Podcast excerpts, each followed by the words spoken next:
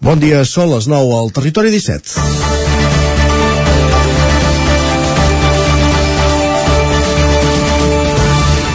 És 28 de març, aquesta matinada s'han lliurat els Oscars i encara que sembli estrany aquestes alçades encara estem parlant de Carnaval. Des de fa dos anys que el coronavirus va entrar a les nostres vides, res ha estat com teníem entès fins aleshores i enguany els carnavals més concorreguts d'Osona, en plena sisena onada, van decidir posposar un mes la festa. Torelló l'ha celebrat aquest cap de setmana i tal com reconeixia l'alcalde Marçal Ortuño dissabte en acabar la rua era necessari poder fer-la per anar recuperant l'anomenada normalitat o si més no, la nostra rutina de cada dia i de cada any.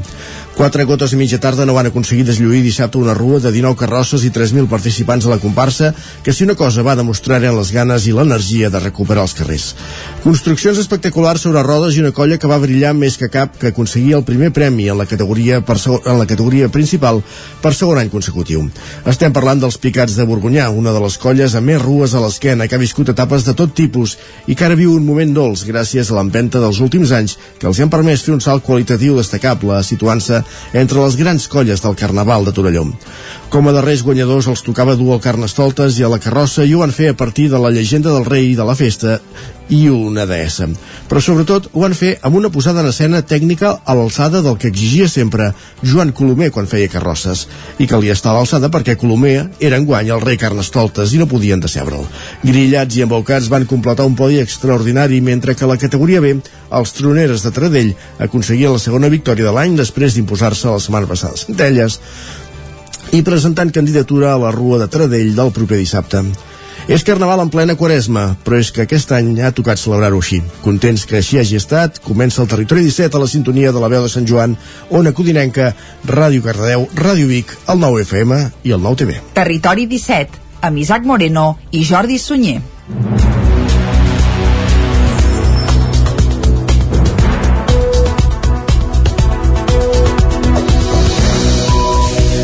Passen dos minuts de les 9 del matí, doncs, d'avui dilluns, dia 28 de març de 2022, i si hem escoltat a l'Isaac una mica rovellat a l'hora d'arrencar el territori 17 és perquè va seguir al peu del canó la rua del Carnaval de Torelló de cap a peus. El rovell un... venia d'abans, eh, per això ja t'aviso. Bé, però ja m'imagino que no va ser pas curta la gesta de, bé, de fer en directe i resseguir tota la rua i tot el Carnaval de Torelló, que va ser un autèntic festival, superant la pluja, els contratemps, els ajornaments i el que fes falta. Uh, fet aquest apunt, va, avui a Territori 17, com sempre, durant la primera hora us informarem de tota l'actualitat de les nostres comarques, evidentment també passant pel Carnaval de Torelló, i a partir de les 10 actualitzarem butlletins informatius i seguirem tot seguit anant a l'entrevista, avui parlant d'una cursa, oi? Correcte, amb la Caral Campàs. Des d'Ona Codinenca parlarem amb Lluís Vilalta, un dels organitzadors de l'Oncodines Trail, que aquest dissabte celebra la segona edició. A dos quarts d'onze arribarà el moment de les piulades, de repassar portades del 99.cat, de passar per la taula de redacció i després parlarem d'esports. Correcte, coneixerem com ha anat el cap de setmana esportivament parlant pels equips del territori 17 i a la comarca d'Osona, aquell partit, aquell derbi que semblava transcendental pel títol de Lliga del Tona, doncs haurà d'esperar perquè va guanyar el Vic. Sí, curiós, el Tona portava 10 partits seguits guanyant, doncs aquest cap de setmana va trencar aquesta ratxa perquè va perdre i no pas per poc, 4-1 al camp de, de la Unió Esportiva de Vic. Un mal dia el té tothom. Bé, el Tona guanyarà la Lliga igualment, per això eh, ja ho aventurem des d'aquí. Va, més, més, més coses que farem al territori 17 a les 11 actualitzarem de nou butlletí informatiu i tot seguit arribarà el moment dels solidaris. Com cada setmana des de Ràdio Vic amb l'Adrià Oliveres. A dos quarts de dotze serà el moment de pujar al tren, com cada dia, la R3, a la Trenc d'Alba, i avui que és dilluns, tot i que aquest cap de setmana no hi havia jornada de Lliga a primera divisió estatal, nosaltres la farem patar igualment, Estaven oi? de Carnaval també, no? Sí, alguns sí, segur.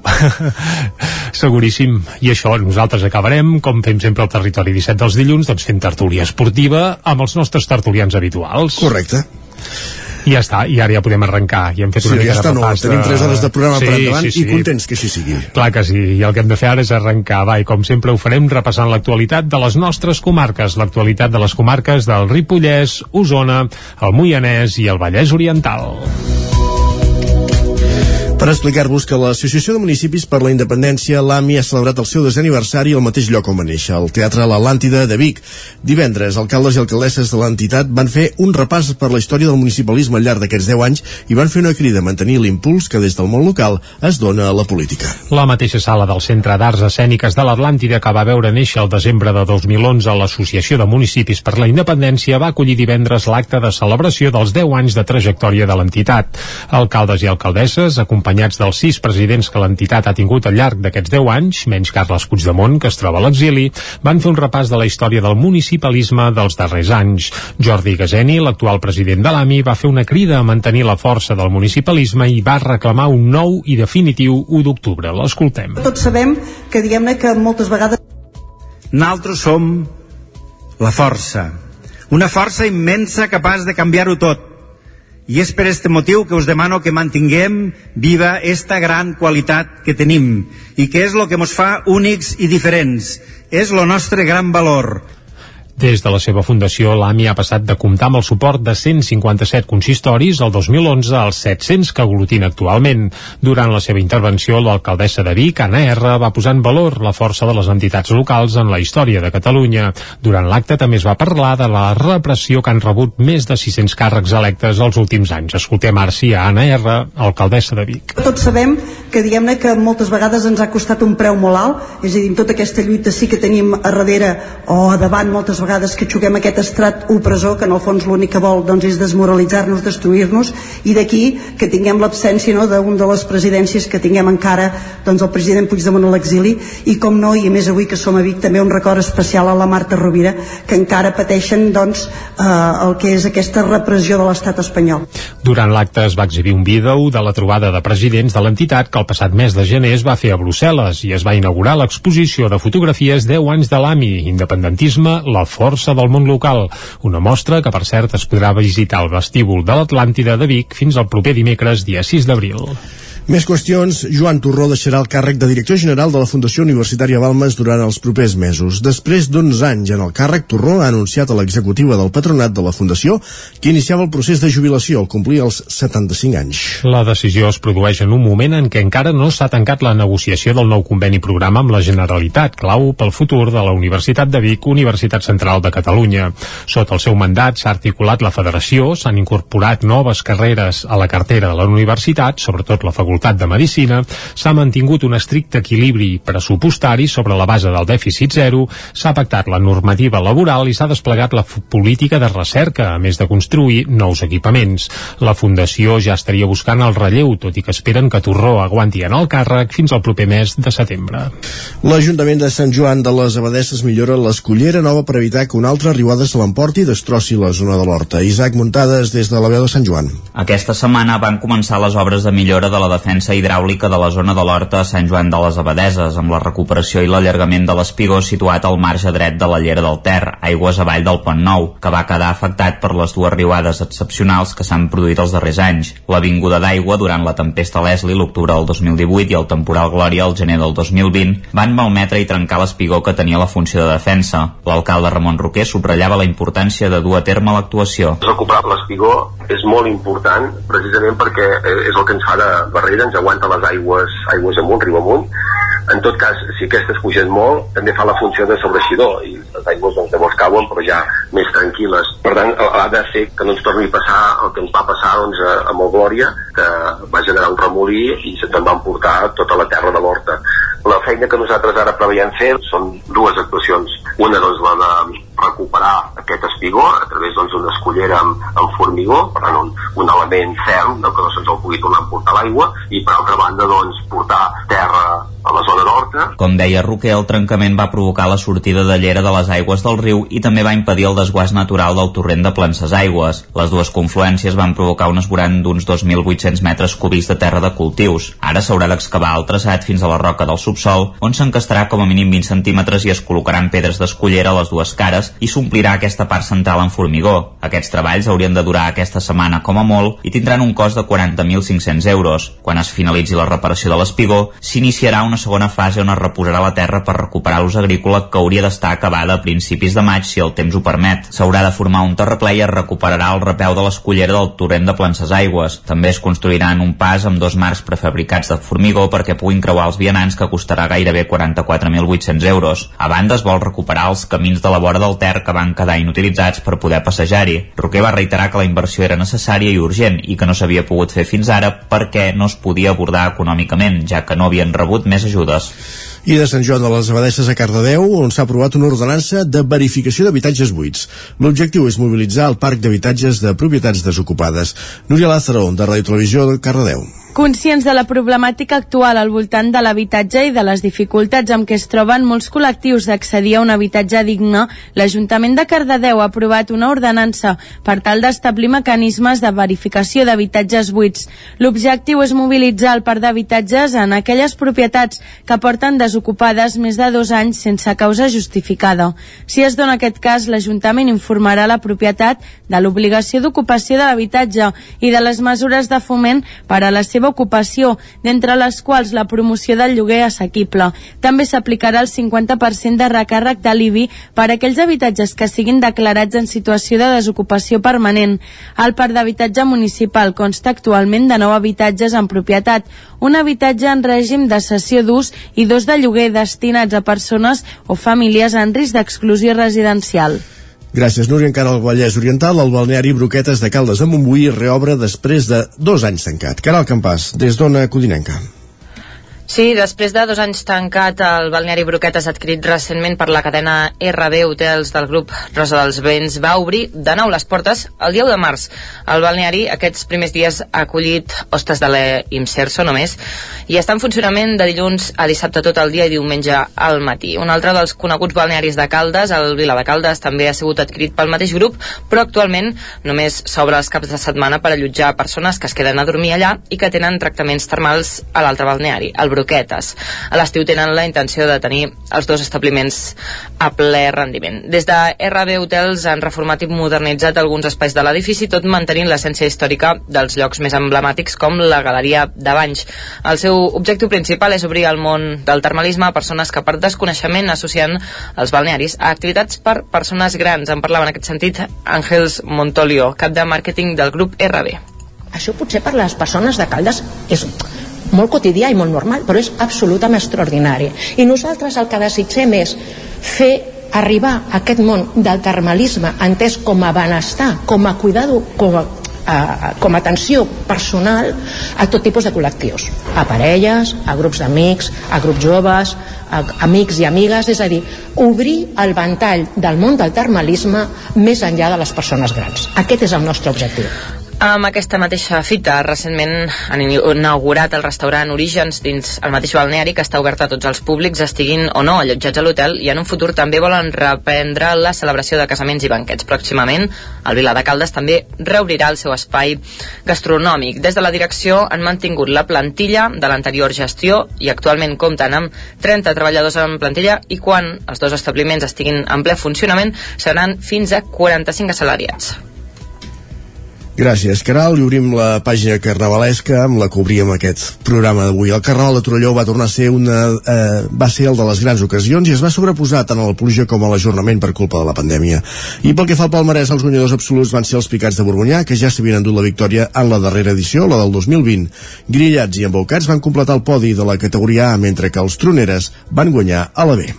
Els Picats de Borgonyà han estat els guanyadors de la 44a Rua del Carnaval de Terra Endins de Torelló, celebrada aquest dissabte. La històrica colla de Borgonyà, que el 2020 va aconseguir la victòria per primera vegada, ha repetit la gesta amb una carrossa ambientada en la llegenda del rei Carnestoltes i la deessa Liliana. La posada en escena amb espectaculars efectes de llum tant a la carrossa com a les disfresses va fer lluir molt la nombrosa comparsa, amb 358 persones davant del jurat. Els grillats i els embaucats han completat el podi de a la categoria A, mentre que els troneres es van imposar a la categoria B i es van endur el nou accèssit a la sostenibilitat i també el de la millor posada en escena. Quim Cacau i Epo Tai Taier han completat el, el podi de les carrosses petites. Triquinyolis i Descolla també es van endur l'accèssit del maquillatge i els enllatats el del vestuari. El premi de la, de la sàtira, en canvi, va quedar desert. El Carnaval de Torelló es clourà definitivament aquest dimecres amb l'enterrament de la sardina. I encara a Torelló, la rua d'aquest dissabte va ser especial per la colla de l'Ojonot, que aquest any celebrava les noces d'argent. Es van estrenar el 1997 i des de llavors no han fallat mai a la cita. Aquesta vegada ho han fet una carrossa especial amb un gran pastís d'aniversari. Un pastís, però, que en consonància amb la personalitat de la Joanot no era del tot normal. Així ho explica Mario Ruiz, que és el president de la colla de la Joanot. Aquest any, bueno, celebrant el 25è aniversari, que hauria d'haver tocat l'any passat, però com bé se sap no va ser possible, doncs el que hem fet és una carrossa eh, enfocada en, en el que és una festa d'aniversari. Amb una festa d'aniversari hi ha un pastís i el, li hem volgut donar una mica la volta i com que en una festa d'aniversari la gent es menja el pastís, doncs aquest any és el, el pastís que es menja a la gent i a la festa. Fins a arribar a la carrossa d'aquest any, però, hi ha hagut una llarga trajectòria amb els orígens de l'any 1996, quan un grup de joves es va apuntar a una colla que ja no existeix i els va agradar tant l'experiència que van decidir que el carnaval següent ells mateixos farien la seva pròpia carrossa. Ho explica i ho recorda Javi Garcia, un dels impulsors de la Joanot. El primer any hauríem ser no sé, 25 o alguna així, era una comparsa, eh, portàvem un cotxe tallat amb una mola i anàvem de drag queens, amb una cinta de, que es va gravar el DJ de Logical, que encara existia en aquella època, perquè era la COPE amb una cinta de caset anàvem, sí. I no portàvem ni bafes, anàvem amb unes trompetes de megafonia. Amb el pas del temps, la colla va créixer i van passar de fer comparses a fer carrosses a la categoria A. El tercer any de sèrie, el 2004, van donar la campanada i van guanyar el primer premi, ho recorda Javi Garcia. Ningú s'ho creia, és a dir, era una cosa que no... És a dir, mai hem anat a guanyar, eh, mai hem... Sí que quan guanyes llavors dius, eh, estic aquí, no? Però no havíem anat mai a guanyar ni ens ho pensàvem, la veritat, i més aquell any les vam passar molt canutes perquè el camió va estar va estar sota un pont perquè no teníem nau, aquella època l'Ajuntament ni Pioc ni ningú t'ajudava i havies de llogar les naus puc donar fe que ningú s'ho creia perquè ni tan sols eren a recollir el premi a l'hora de l'entrega de premis, ni, ni s'ho plantejaven llavors. Carai, uh, veig que tens bona memòria. Mare de Déu. per cert que aquest any a la comparsa de la Joanot hi van participar 150 persones, entre els quals 45 nens, i és que els temps en aquest sentit han canviat. Escoltem a Mario Ruiz. Ningú s'ho creia, és a dir, no és una carrossa enfocada per nens, és una carrossa de pares que els agrada la festa, els agrada la música electrònica i que tenim criatures i ells doncs s'han de subar a la festa. La Joanot, doncs, la primera gran colla que va marcar el relleu generacional al Carnaval de Torelló, ha celebrat les noces d'argent als 25 anys i ho ha seguit fent a ritme d'electrònica i trencant amb les coreografies que fins la seva aparició havien caracteritzat les rues de Carnaval. L'any que ve, amb el permís del rei Carnestoltes, evidentment que hi tornaran. I a Roda de Ter, un concert del quartet Faneca va servir divendres al vespre per presentar la cinquena edició del Festival Encanta, que es farà entre els dies 12 i 15 de maig. Faneca és una formació de folk rock progressiu amb seu a Madrid, creada el 2016 per quatre noies, amb violí, violoncel, guitarra i percussió. A Roda hi van presentar Caliu, el seu segon disc, on s'atreveixen amb el català amb peces com Fulles i Vent, que va sonar divendres a Roda en un concert que va servir per presentar la cinquena edició del Festival Encanta, un certamen dedicat a les propostes de petit format amb la cançó d'autor com a eix vertebrador. El festival es farà entre els dies 12 i 15 de maig a diferents escenaris de roda i s'hi podran escoltar propostes com les de Carlota Ortiz, Mireia Vives i Borja Panalba, la mallorquina Maria Hein, Gessamí Boada, Inspira o el Petit de Calaril. Les entrades anticipades pel festival ja estan a la venda des d'aquest mateix cap de setmana. Acabem aquí aquest repàs informatiu que començàvem a les 9 en companyia de Jordi Sunyer, Isaac Montades, Núria Lázaro i Caral Campàs. Moment de saludar en Pep Acosta.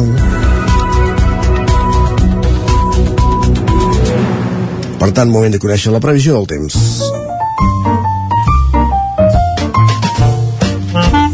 Casa Terradellos us ofereix el temps. Doncs vinga, saludem en Pep, que primer ens farà una mica de repàs del cap de setmana. Això és fàcil, perquè ja el tenim passat, i després això ens avançarà la previsió per aquests propers dies. Pep, bon dia.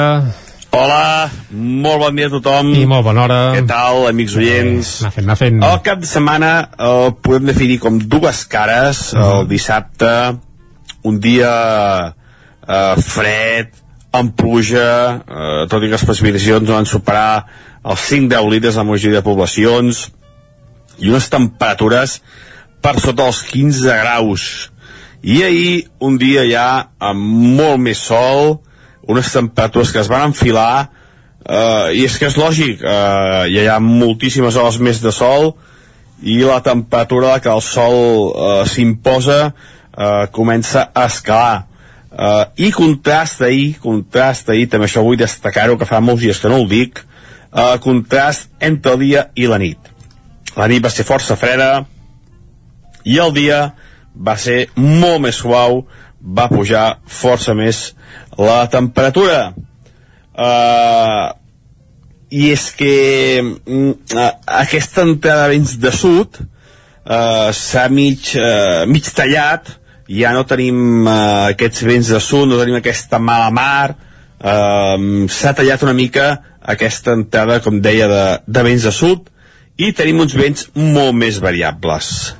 I avui eh, serà un dia força, força assolellat. Serà un dia molt semblant al d'ahir. Però, atenció, aviso, eh, la gent que li agradi el sol, la gent que li agradi aquest ambient suau, eh, temperatures bastant altes i, i, i sense gaires núvols, aprofiteu avui, perquè ve una setmana força, força moguda i força, força freda. Mm, I el cap de setmana que ve, o sigui, aquest cap de setmana, a partir de divendres, en lloc de força, eh, diria que serà molt freda la setmana. L'ambient, eh, estic mirant mapes i s'acosta eh, una entrada de de nord potent al cap de setmana, eh, podem tenir força, força fred, eh, molt fred a cada setmana. Per tant, aprofiteu avui, com deia aquest matí, eh, molt de sol, les temperatures mínimes han baixat, eh, han baixat al Pirineu sobretot, en quedaran glaçades, eh, això també vull, vull destacar, eh, ja a finals de març, encara forces glaçades al Pirineu, cap a l'interior, a les poblacions interiors, les temperatures estan entre els 5 i els 10 graus, unes temperatures eh, més agradables mínimes cap a l'interior. I avui, al matí, força sol, a la tarda més núvols, s'acosta un petit front eh, per l'oest, també a destacar aquest canvi, ja no tindrem fronts eh, de, del Mediterrani cap a l'interior, sinó és un front de l'oest, un front eh, atlàntic, això es indica el canvi de vents, el canvi de situació eh, que tindrem, a, a la tarda tindrem més núvols, molts núvols entanyinats, eh, aquests núvols alts que entanyinaran el cel, i a la tarda aquests núvols faran més espessos. De moment, sense precipitació, les temperatures molt semblants als d'ahir, la majoria entre els 16 i els 20 graus de màxima, contrast tèrmic entre el dia i la nit i suavitat de dia. Però, com deia, aprofiteu avui que ve més inestabilitat i ve més fred els pròxims dies. Vull dir que, ojo, ojo, que ve un, una setmana bastant complicada. Però moment avui no, eh? Avui, com deia això, contrast entre el dia i la nit, eh, força sol al matí, i a la tarda més núvols alts, cada vegada més importants, però sense precipitació. I això és tot, a disfrutar aquest dilluns, a disfrutar aquest començament de setmana, una setmana que segur que serà eh, molt bona per tothom. Gràcies, adeu, bon dia. Bons auguris, sí senyor. Ah, exacte. Bueno, bons i frescos auguris, Frescos. eh? Sí, sí, eh? no us penseu que ja tenim la primavera No, no, aquí, això- i l'estiu i mànigues curtes, sinó que... El cap de setmana que hi ha carnavals a Taradell i Roda, tornaran els carnavals de febrer també, eh? per, per les temperatures, pel que sento. Sembla que Pel sí, diuen, Pep, sí, sí, sí, no. els carnavals com si fos el febrer, si més no, climatològicament parlant. Bé, ho seguirem. Va. Va, anem al quiosc. Som-hi. Casa Tarradellas us ha ofert aquest espai. Thank you. Anem a saber com es presenten avui els diaris al quiosc. Comencem com a bon dilluns per les portades del 9-9, Jordi. Correcte, i arrenquem pel d'Osona i el Ripollès cobra explicant que els picats de Borgunyà repeteixen victòria al Carnaval de Torelló. Després del parèntesi de l'any passat, torna una rua multitudinària que esquiva la pluja. Aquest és el titular principal, amb fotografia inclosa, del Carnaval de Torelló a la portada del 9-9 d'Osona i el Ripollès. Amb una pluja de serpentines, la foto, per Sí, cert. Eh? ostres, això de les serpentines Brutal. caldrà plantejar-s'ho, eh? perquè a vegades alteren la visibilitat de les carrosses i tot. Ja no dic el confeti, serpentines, n'hi ha unes de gegantines que, ostres, és, és terrible, eh? Sort que va ser l'última carrossa, sí. Bé, uh, ja està, doncs això, moltes, moltes serpentines. També apareix a la portada de la, del 9-9 d'Osona i el Ripollès que el Vic trenca la imbatibilitat del Tona, ja ho havíem comentat, i retorn triomfal d'Obeses a l'Atlàntida. Van retornar amb un concert divendres amb una Atlàntida plena a vessar i on, bé, la veritat va ser un concert uh, brillant. Més coses, anem al 9-9 del Vallès Oriental. L'alcalde Mayoral obre cometes fins aquí ha arribat. L'alcalde de Granollers explica que deixa el càrrec per motius de salut i per dedicar-se a la família. Ho va anunciar divendres passat. També eh, un ple extraordinari aquest dimarts ratificarà la renúncia que Mayoral va presentar ja el dissabte passat. També apareix que noves mobilitzacions contra les batudes de caça Santa Maria de Martorelles i a l'Ametlla i que les escoles del Vallès Oriental ja acullen 63 nens i nenes que han fugit de la guerra d'Ucraïna. També tenim que el Franklin obté plaça europea amb el subcampionat a la Copa d'handbol. Anem ara a fer un cop d'ull a les portades d'àmbit nacional. Avui ja diem que a Catalunya no n'hi ha cap que s'assembli, eh? Totes eh, tiren per titulars bueno, diferents. Ja està bé. Sí, això és divertit, i tant que sí. Comencem pel punt avui, que titula La cursa cap a l'Elisi. I és que França s'obre la campanya d'uns comicis presidencials en què Macron té la continuïtat gairebé assegurada. Això apuntem des del punt avui. També hi apareix Higuita, no aquell porter colombià, sinó un ciclista que guanya l'edició número 101 de la Volta a Catalunya. Això apareix a la portada del Punt Avui. A l'ara, Ucraïna alerta que Rússia vol partir el país. Uh, el Kremlin reorganitza les forces darrere la frontera bielorrussa i també temperatures extremes a l'Àrtic i a l'Antàrtida. Extremes en el sentit de que hi fa molta calor. Ara mateix hauria d'estar tot congelat i es veu que estan 5 graus per sobre la mitjana. El periòdico, sindicats i educació negocien contrarrellotge per evitar la vaga. Recordem que hi ha noves uh, dates convocades. Uh -huh per aturades a les escoles catalanes i la fotografia és per Mariúpol, l'infern, titulen a la portada del periòdic com una crònica d'una persona que va fugir de, bé, precisament d'aquest infern. A l'avantguàrdia, Espanya subministrarà gas per mar a Itàlia des del port de Barcelona. Un pont naval amb petits vaixells llançadora traslladarà el combustible, el combustible a una planta a Itàlia. Això apareix a la portada de l'avantguàrdia. La fotografia és per les vies del tren, no la R3, sinó la R1 escaca la línia fèrria del Maresme i el mar se'n va endur un tros. I ràpidament, cop d'ull a les portades espanyoles, el país. Sánchez busca un pacte estatal de mesures davant la guerra. El Mundo, Pablo Mas demostrat ser una mala persona, és Pablo Casado, filtrat amb una espècie de, de WhatsApp que li va enviar a, Bé, a un dirigent del PP, a l'ABC, el sobiranisme maniobra per incomplir la sentència del castellà, uh, ves per on. Sí, sempre I, maniobra. Sí, i a la raó, Ucraïna tem que Rússia vulgui dividir el país en dos, com es va fer amb Corea. Aquest és el titular principal de la raó. I fins aquí el repàs de les portades. I repassades les portades, repassat el quiosc, fem una pausa al territori 17, però tornem d'aquí 3 minuts. El nou FM, la ràdio de casa, al 92.8. La vida i la naturalesa han portat Ernest Gingó a crear el seu primer disc i tu el pots ajudar a fer-lo realitat. Busca Seguint la Natura a la pàgina web Verkami i podràs fer la teva aportació econòmica a canvi del disc i d'alguns instruments artesanals que ha construït amb el seu pare, fuster de professió. Ajuda l'Ernest Gingó a fer realitat aquest primer disc que fa un viatge musical per la connexió amb la naturalesa. I un sentiment. Cobertes serveis funeraris. Els nostres tanatoris estan ubicats en els nuclis urbans més poblats de la comarca d'Osona per oferir un millor servei. Tanatori de Vic, Tanatori de Manlleu, Tanatori de Centelles i Tanatori de Roda de Ter. Sabem que són moments difícils i per això el nostre compromís és atendre-us en tot moment amb un tracte humà, sensible i respectuós. Cobertes serveis funeraris. Telèfon 24 hores 93 883 23 46. Això és el que s'escolta al voltant d'una caldera saunia d'Oval. Tranquilitat i benestar, perquè gaudeix del millor manteniment del servei tècnic oficial per estar despreocupat. O el que vulgui. Informis a Oficiat Nord trucant al 938860040. Saunia d'Oval, sempre al seu costat. Al restaurant Xavito Gastro de Vic hi trobaràs una cuina mediterrània i de mercat amb gran varietat de plats, amb arrossos, carn o peix fresc de la llotja cada dia. Vine a dinar de dimarts a divendres i prova el nostre menú diari per només 15 euros o a les nits de dijous a diumenge tastar el nostre menú degustació amb arrossos i tapes per 25 euros. Restaurant Xamito Gastro. Ens trobaràs al carrer Callnou número 9 de Vic i al telèfon 93 094 1172 o al 747 42 92 58. El racó de León ja és primavera. Gaudeix de la nostra terrassa. Vine a tastar les xuletilles de lechal a la brasa amb una bona amanida o el xuletón de vedella gallega. No et pots perdre el nostre lechado de Castilla al forn o el cochinillo a l'estil de Segovia. Tot acompanyat del millor celler, al menjador o fora la terrassa.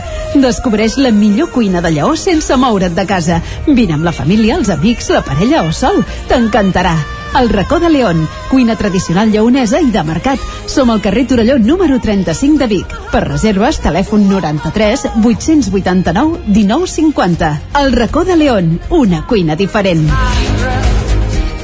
Anuncia't al 9FM. La màquina de casa. 9 3 8 8 9 4 9 4 9. Publicitat arroba al 9FM.cat. Anuncia't al 9FM. La publicitat més eficaç. El 9FM, el 9FM, el 9FM, el 9FM. En punt dos quarts de deu al territori 17. Territori 17, amb Isaac Moreno i Jordi Sunyer.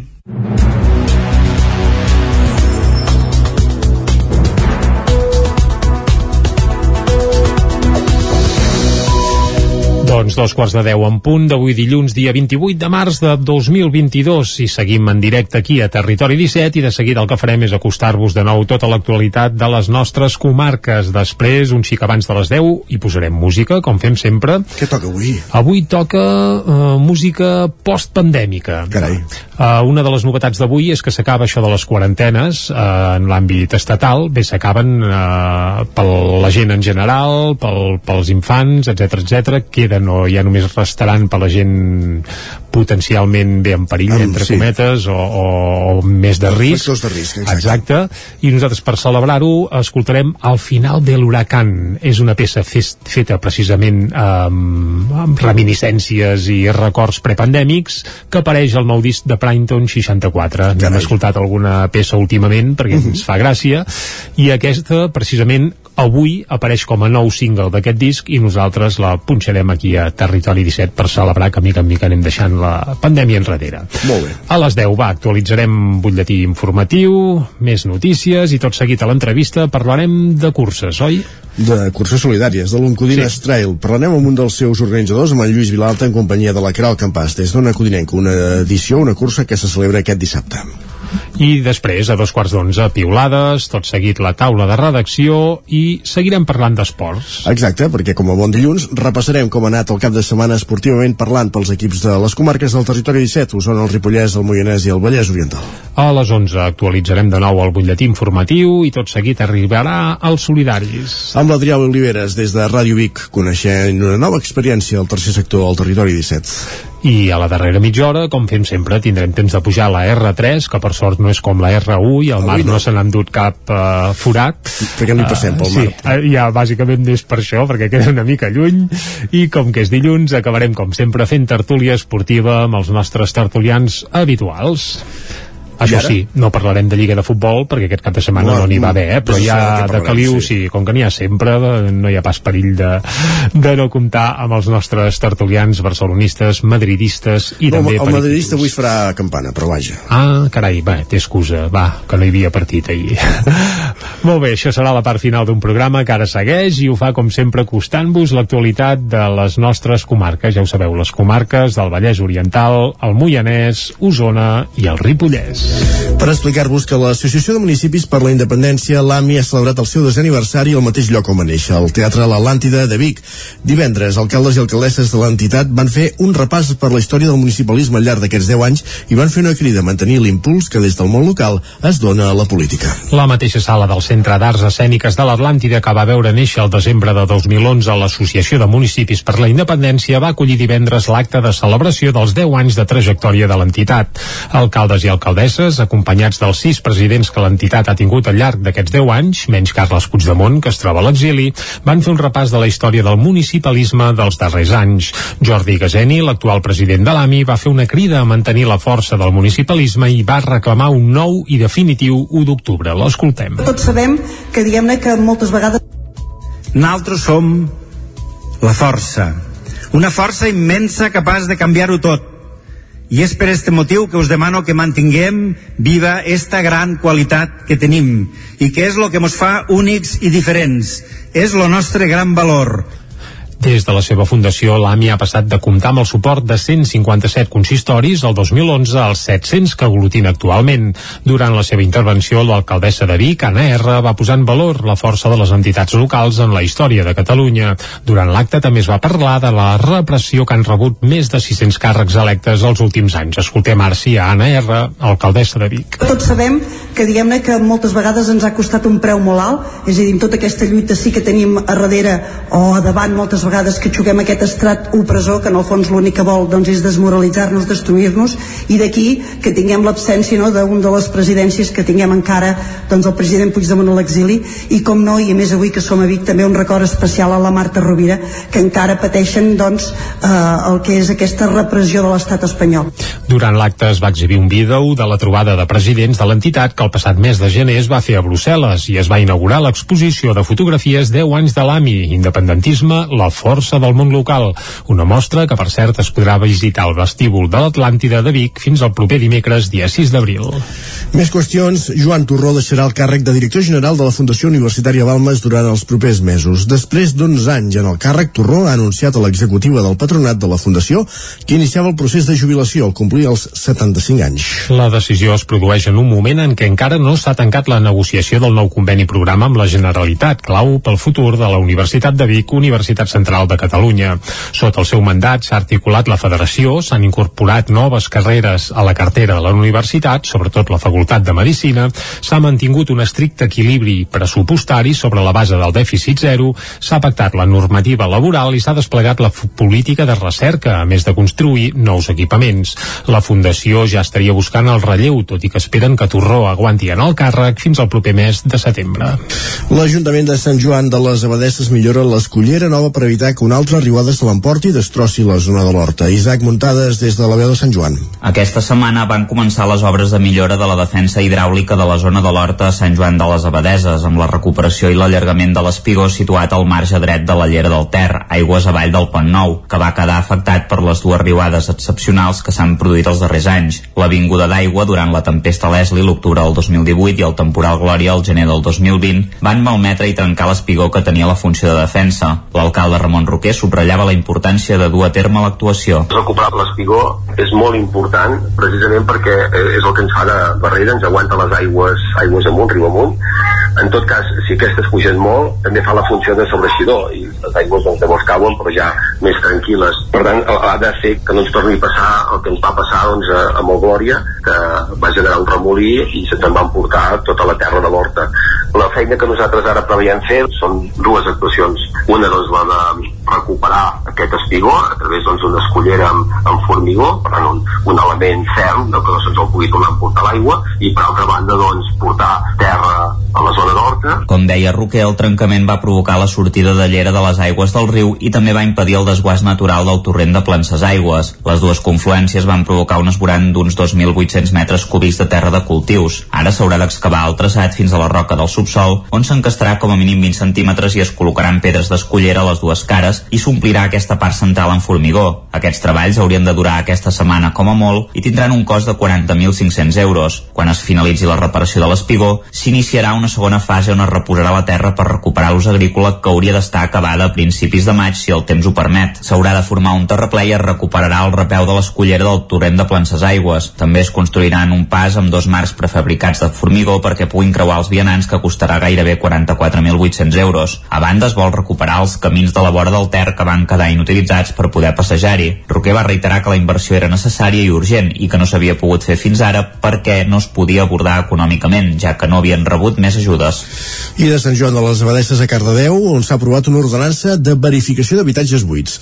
L'objectiu és mobilitzar el parc d'habitatges de propietats desocupades.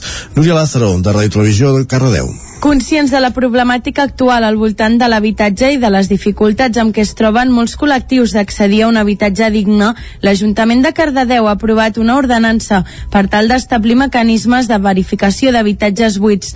L'objectiu és mobilitzar el parc d'habitatges en aquelles propietats que porten desocupades més de dos anys sense causa justificada. Si es dona aquest cas, l'Ajuntament informarà la propietat de l'obligació d'ocupació de l'habitatge i de les mesures de foment per a la seva ocupació, d'entre les quals la promoció del lloguer assequible. També s'aplicarà el 50% de recàrrec de l'IBI per a aquells habitatges que siguin declarats en situació de desocupació permanent. El parc d'habitatge municipal consta actualment de 9 habitatges en propietat, un habitatge en règim de cessió d'ús i dos de lloguer destinats a persones o famílies en risc d'exclusió residencial. Gràcies, Núria. Encara al Vallès Oriental, el balneari Broquetes de Caldes de Montbui reobre després de dos anys tancat. Caral Campàs, des d'Ona Codinenca. Sí, després de dos anys tancat, el balneari Broquetes adquirit recentment per la cadena RB Hotels del grup Rosa dels Vents va obrir de nou les portes el dia 1 de març. El balneari aquests primers dies ha acollit hostes de l'Imserso només i està en funcionament de dilluns a dissabte tot el dia i diumenge al matí. Un altre dels coneguts balnearis de Caldes, el Vila de Caldes, també ha sigut adquirit pel mateix grup, però actualment només s'obre els caps de setmana per allotjar persones que es queden a dormir allà i que tenen tractaments termals a l'altre balneari, el Broquetes. A l'estiu tenen la intenció de tenir els dos establiments a ple rendiment. Des de RB Hotels han reformat i modernitzat alguns espais de l'edifici, tot mantenint l'essència històrica dels llocs més emblemàtics com la Galeria de Banys. El seu objectiu principal és obrir el món del termalisme a persones que per desconeixement associen els balnearis a activitats per persones grans. En parlava en aquest sentit Àngels Montolio, cap de màrqueting del grup RB. Això potser per les persones de Caldes és molt quotidià i molt normal, però és absolutament extraordinari. I nosaltres el que desitgem és fer arribar a aquest món del termalisme entès com a benestar, com a cuidado, com a a, com a atenció personal a tot tipus de col·lectius. A parelles, a grups d'amics a grups joves, a amics i amigues és a dir, obrir el ventall del món del termalisme més enllà de les persones grans. Aquest és el nostre objectiu.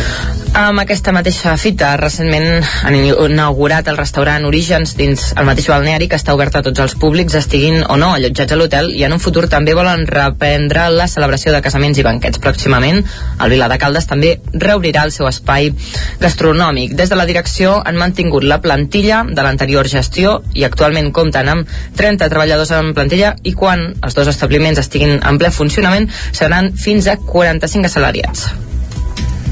Gràcies, Caral. I obrim la pàgina carnavalesca amb la que obríem aquest programa d'avui. El Carnaval de Torelló va tornar a ser una... Eh, va ser el de les grans ocasions i es va sobreposar tant a la pluja com a l'ajornament per culpa de la pandèmia. I pel que fa al palmarès, els guanyadors absoluts van ser els Picats de Borgonyà, que ja s'havien endut la victòria en la darrera edició, la del 2020. Grillats i embaucats van completar el podi de la categoria A, mentre que els Troneres van guanyar a la B. Els Picats de Borgonyà han estat els guanyadors de la 44a Rua del Carnaval de Terra Endins de Torelló, celebrada aquest. La històrica colla de Borgonyà, que el 2020 va aconseguir la victòria per primera vegada, ha repetit la gesta amb una carrossa ambientada en la llegenda del rei Carnestoltes i la deessa Liliana. La posada en escena amb espectaculars efectes de llum tant a la carrossa com a les disfresses va fer lluir molt la nombrosa comparsa, amb 358 persones davant del jurat. Els grillats i els embaucats han completat el podi de la categoria A, mentre que els troneres es van imposar a la categoria B i es van endur el nou accèssit a la sostenibilitat i també el de la millor posada en escena. Quim Cacau i Epo Tai Taie han completat el, el podi de les carrosses petites. Triquinyolis i Descolla també es van endur l'accèssit del maquillatge i els enllatats el del vestuari. El premi de la, de la sàtira, en canvi, va quedar desert. El Carnaval de Torelló es clourà definitivament aquest dimecres amb l'enterrament de la sardina. I encara a Torelló, la rua d'aquest dissabte va ser especial per la colla de l'Ojonot, que aquest any celebrava les noces d'Argent. Es van estrenar el 1997 i des de llavors no han fallat mai a la cita. Aquesta vegada ho fer amb una carrossa especial amb un gran pastís d'aniversari. Un pastís, però, que en consonància amb la personalitat de la Joanot no era del tot normal. Així ho explica Mario Ruiz, que és el president de la colla de la Joanot. Aquest any, bueno, celebrant el 25è aniversari, que hauria d'haver tocat l'any passat, però com bé se sap no va ser possible,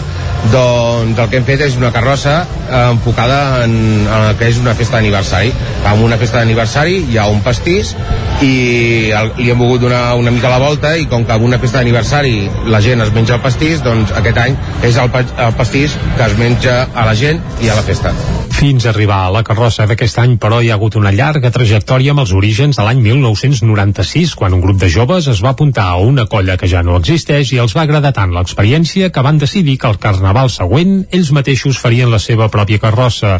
Ho explica i ho recorda Javi Garcia, un dels impulsors de la Joanot. El primer any hauríem ser, no sé, 25 o alguna així, era una comparsa, eh, portàvem un cotxe tallat amb una mola i anàvem de drag queens, amb una cinta de, que es va gravar el DJ de Logical, que encara existia en aquella època, el que era la COPE amb una cinta de caset anàvem, sí. I no portàvem ni bafes, anàvem amb unes trompetes de megafonia. Amb el pas del temps, la colla va créixer i van passar de fer comparses a fer carrosses a la categoria A. El tercer any de sèrie, el 2004, van donar la campanada i van guanyar el primer premi, ho recorda Javi Garcia. Ningú s'ho creia, és a dir, era una cosa que no... És a dir, mai hem anat a guanyar, eh, mai hem... Sí que quan guanyes llavors dius, eh, estic aquí, no? Però no havíem anat mai a guanyar ni ens ho pensàvem, la veritat. I més aquell any les vam passar molt canutes perquè el camió va estar va estar sota un pont perquè no teníem nau, aquella època l'Ajuntament ni Pioc ni ningú t'ajudava i havies de llogar les naus. Puc donar fe que ningú s'ho creia perquè ni tan sols eren a recollir el premi a l'hora de l'entrega de premis, ni, ni s'ho plantejaven llavors. Carai, uh, veig que tens bona memòria. Mare de Déu. per cert que aquest any a la comparsa de la Joanot hi van participar 150 persones, entre els quals 45 nens, i és que els temps en aquest sentit han canviat. Escoltem a Mario Ruiz. Ningú s'ho creia, és a dir, no és una carrossa enfocada per nens, és una carrossa de pares que els agrada la festa, els agrada la música electrònica i que tenim criatures i ells doncs de subar a la festa.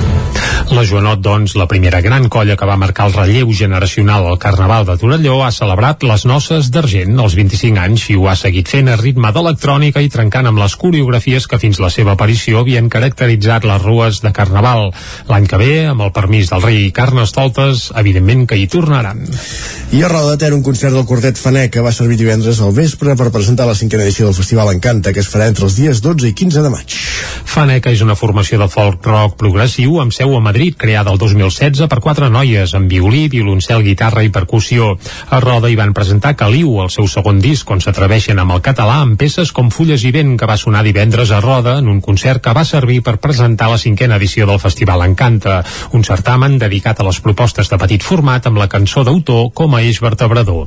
El festival es farà entre els dies 12 i 15 de maig a diferents escenaris de Roda i s'hi podran escoltar propostes com les de Carlota Ortiz, Mireia Vives i Borja Penalba, la mallorquina Maria Hein, Gessamí Boada, Inspira o el Petit de Calaril. Les entrades anticipades pel festival ja estan a la venda des d'aquest mateix cap de setmana. Acabem aquí aquest repàs informatiu que començàvem a les 9 en companyia de Jordi Sunyer, Isaac Montades, Núria Lázaro i Caral Campàs. Moment de saludar en Pep Acosta.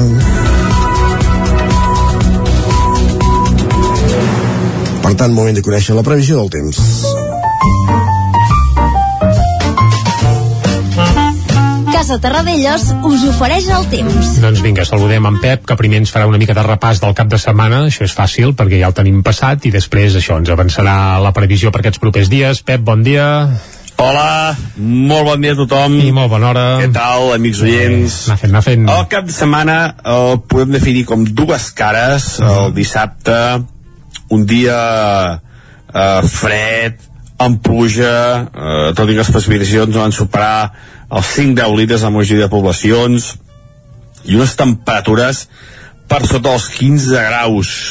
I ahir, un dia ja amb molt més sol, unes temperatures que es van enfilar, eh, i és que és lògic, eh, ja hi ha moltíssimes hores més de sol, i la temperatura que el sol eh, s'imposa eh, comença a escalar. Uh, i contrasta ahir, contrasta ahir, també això vull destacar-ho, que fa molts dies que no ho dic, el contrast entre el dia i la nit. La nit va ser força freda i el dia va ser molt més suau, va pujar força més la temperatura. Uh, I és que uh, aquesta entrada de vents de sud uh, s'ha mig, uh, mig tallat, ja no tenim uh, aquests vents de sud, no tenim aquesta mala mar, uh, s'ha tallat una mica aquesta entrada, com deia, de, de vents de sud, i tenim uns vents molt més variables. I avui eh, serà un dia força, força assolellat. Serà un dia molt semblant al d'ahir. Però, atenció, aviso, eh, la gent que li agradi el sol, la gent que li agradi aquest ambient suau, eh, temperatures bastant altes i, i, i sense gaires núvols, aprofiteu avui, perquè ve una setmana força, força moguda i força, força freda.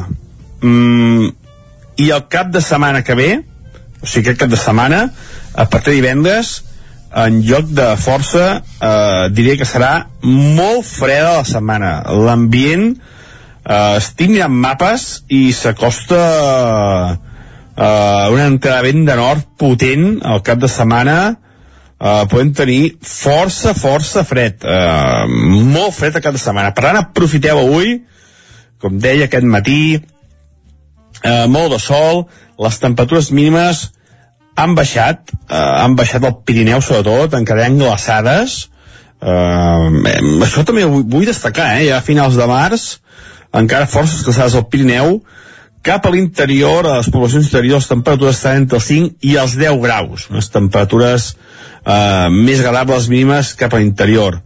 I avui, al matí, força sol, a la tarda més núvols, s'acosta un petit front eh, per l'oest, també a destacar aquest canvi, ja no tindrem fronts eh, de, del Mediterrani cap a l'interior, sinó és un front de l'oest, un front eh, atlàntic, això es indica el canvi de vents, el canvi de situació eh, que tindrem, a, a la tarda tindrem més núvols, molts núvols entanyinats, eh, aquests núvols alts que entanyinaran el cel, i a la tarda aquests núvols faran més espessos.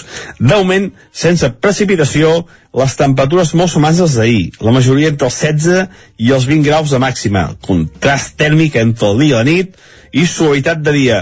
Però, com deia, aprofiteu avui que ve més inestabilitat i ve més fred els pròxims dies. Vull dir que, ojo, ojo, que ve un, una setmana bastant complicada. Però avui, avui no, eh? Avui, com deia això, contrast entre el dia i la nit, eh, força sol al matí i a la tarda més núvols alts, cada vegada més importants, però sense precipitació. I això és tot, a disfrutar aquest dilluns, a disfrutar aquest començament de setmana, una setmana que segur que serà eh, molt bona per tothom. Gràcies, adeu, bon dia. Bons auguris, sí senyor. Ah, exacte. Bueno, bons i frescos auguris, Frescos. eh? Sí, sí, eh, no us penseu que ja tenim la primavera No, no, aquí, això- i l'estiu, i mànigues curtes, sinó que... El de setmana que hi ha carnavals a Taradell i Roda, tornaran els carnavals de febrer també, eh? Per, per les temperatures, pel que sento. Sembla que Pel sí, diu en Pep, sí, sí, sí, no. els carnavals com si fos el febrer, si més no, climatològicament parlant. Bé, ho seguirem. Va. Va, anem al quiosc. Som-hi. Casa Tarradellas us ha ofert aquest espai. Anem a saber com es presenten avui els diaris al quiosc. Comencem com a bon dilluns per les portades del 9-9, Jordi. Correcte, i arrenquem pel d'Osona i el Ripollès cobra explicant que els picats de Borgunyà repeteixen victòria al Carnaval de Torelló. Després del parèntesi de l'any passat, torna una rua multitudinària que esquiva la pluja. Aquest és el titular principal, amb fotografia inclosa, del Carnaval de Torelló a la portada del 9-9 d'Osona i el Ripollès. Amb una pluja de serpentines, la foto, per Sí, cert. Eh? ostres, això de les serpentines Brutal. caldrà plantejar-s'ho, eh? perquè a vegades alteren la visibilitat de les carrosses i tot. Ja no dic el confeti, serpentines, n'hi ha unes de gegantines que, ostres, és, és terrible, eh? Sort que va ser l'última carrossa, sí. Bé, uh, ja està, doncs això, moltes, moltes serpentines. També apareix a la portada de- del 9-9 d'Osona i el Ripollès que el Vic trenca la imbatibilitat del Tona, ja ho havíem comentat, i retorn triomfal d'Obeses a l'Atlàntida. Van retornar amb un concert divendres amb una Atlàntida plena a vessar i on, bé, la veritat va ser un concert uh, brillant. Més coses, anem al 9-9 del Vallès Oriental. L'alcalde Mayoral obre cometes, fins aquí ha arribat. L'alcalde de Granollers explica que deixa el càrrec per motius de salut i per dedicar-se a la família. Ho va anunciar divendres passat. També eh, un ple extraordinari aquest dimarts ratificarà la renúncia que Mayoral va presentar ja el dissabte passat. També apareix que noves mobilitzacions contra les batudes de caça Santa Maria de Martorelles i a l'Ametlla i que les escoles del Vallès Oriental ja acullen 63 nens i nenes que han fugit de la guerra d'Ucraïna. També tenim que el Franklin obté plaça europea amb el subcampionat a la Copa d'handbol. Anem ara a fer un cop d'ull a les portades d'àmbit nacional. Avui ja diem que a Catalunya no n'hi ha cap que s'assembli, eh? totes eh, tiren per titulars Bueno, diferents. ja està bé. Sí, això és divertit, i tant que sí. Comencem pel punt avui, que titula La cursa cap a l'Elisi. I és que a França, sobre la campanya d'uns comicis presidencials en què Macron té la continuïtat gairebé assegurada. Això apuntem des del punt avui. També hi apareix Higuita, no aquell porter colombià, sinó un ciclista que guanya l'edició número 101 de la Volta a Catalunya. Això apareix a la portada del punt avui. A l'ara, Ucraïna alerta que Rússia vol partir el país. Uh, el Kremlin reorganitza les forces darrere la frontera bielorrussa i també temperatures extremes a l'Àrtic i a l'Antàrtida. Extremes en el sentit de que hi fa molta calor. Ara mateix hauria d'estar tot congelat i es veu que estan 5 graus per sobre la mitjana. El periòdico, sindicats i educació negocien contrarrellotge per evitar la vaga. Recordem que hi ha noves uh, dates convocades. Uh -huh per aturades a les escoles catalanes i la fotografia és per Mariúpol, l'infern titulen a la portada del periòdic com una crònica d'una persona que va fugir de, bé, precisament d'aquest infern. A l'avantguàrdia, Espanya subministrarà gas per mar a Itàlia des del port de Barcelona. Un pont naval amb petits vaixells llançadora traslladarà el combustible, el combustible a una planta a Itàlia. Això apareix a la portada de l'avantguàrdia. La fotografia és per les vies del tren, no la R3, sinó la R1. Es caca la línia fèrria del Maresme i el mar se'n va endur un tros. I ràpidament, cop d'ull a les portades espanyoles, el país. Sánchez busca un pacte estatal de mesures davant la guerra. El Mundo, Pablo Mas demostrat ser una mala persona, és Pablo Casado, filtrat amb una espècie de, de WhatsApp que li va enviar a, bé, a un dirigent del PP. A l'ABC, el sobiranisme maniobra per incomplir la sentència del castellà, a ves per on. Sí, sempre I, maniobra. sí, i a la Razón, Ucraïna tem que Rússia vulgui dividir el país en dos, com es va fer amb Corea. Aquest és el titular principal de la Razón. Molt bé, alegria. Que és festa major. Que és festa major, correcte, correcte, però per acabar de fer festa major de veritat, el que farem ara és posar-hi música i com ja hem avançat abans el que escoltarem avui és Al final de l'huracán una de les cançons noves que apareixen al disc Más de lo mismo que és uh, l'àlbum que han registrat els Brighton 64 aquesta banda barcelonina però amb accent ballesà i també usonenc hi ha el Riqui Gil de la Garriga hi ha l'Ari Carrera, la bateria uh, usonenc, etc etc. doncs bé, aquesta banda uh, que fa poc va treure un disc per celebrar que han fet 40 anys en aquest disc hi ha uh, versions de clàssics de la seva trajectòria i a més hi ha un parell de temes nous també, un d'ells és aquest al final de l'huracan que serveix per entre cometes celebrar que ja anem deixant enrere la pandèmia i tot plegat ho fem recordant que avui també doncs s'aixequen les quarantenes per tots els bé, positius de Covid eh, habituals. Escoltem aquesta peça al final de l'huracan i amb això arribarem fins al punt de les 10 aquí a Territori 17.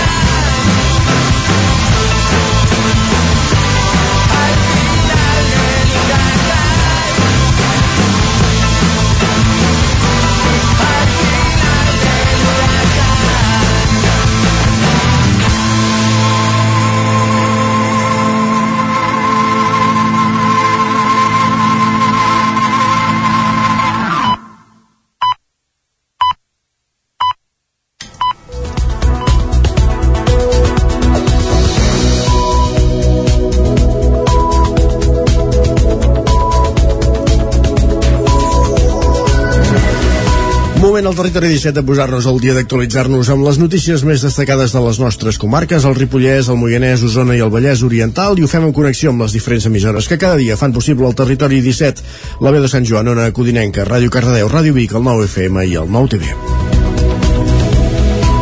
Amb l'objectiu d'avançar en la rendició de comptes, l'Ajuntament de Manlleu ha impulsat l'anomenat Observatori Manlleu. Es tracta d'un portal que facilita totes les dades que fan referència a la ciutat i que dona resposta a un dels cinc grans objectius de ciutat que l'Ajuntament va definir al Pla d'Actuació Municipal, avançar cap a una administració més propera, intel·ligent, oberta i participativa.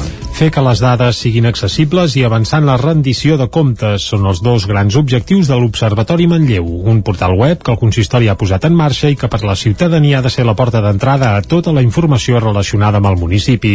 S'hi accedeix a través del portal de govern obert que es va habilitar el 2018 i permet conèixer al detall totes les actuacions que està duant a terme el consistori. Ho detalla Maria Josep Palomar, que és regidora de govern obert de l'Ajuntament de Manlleu. Aquest, aquest portal bàsicament el que pretén és que amb generació i publicació de dades puguem informar de la gestió i el funcionament dels serveis i així mateix fer la rendició de comptes eh, de cara a la ciutadania i a, que abans. Per tant, vol ser una porta d'entrada al que és tota la informació de, del municipi.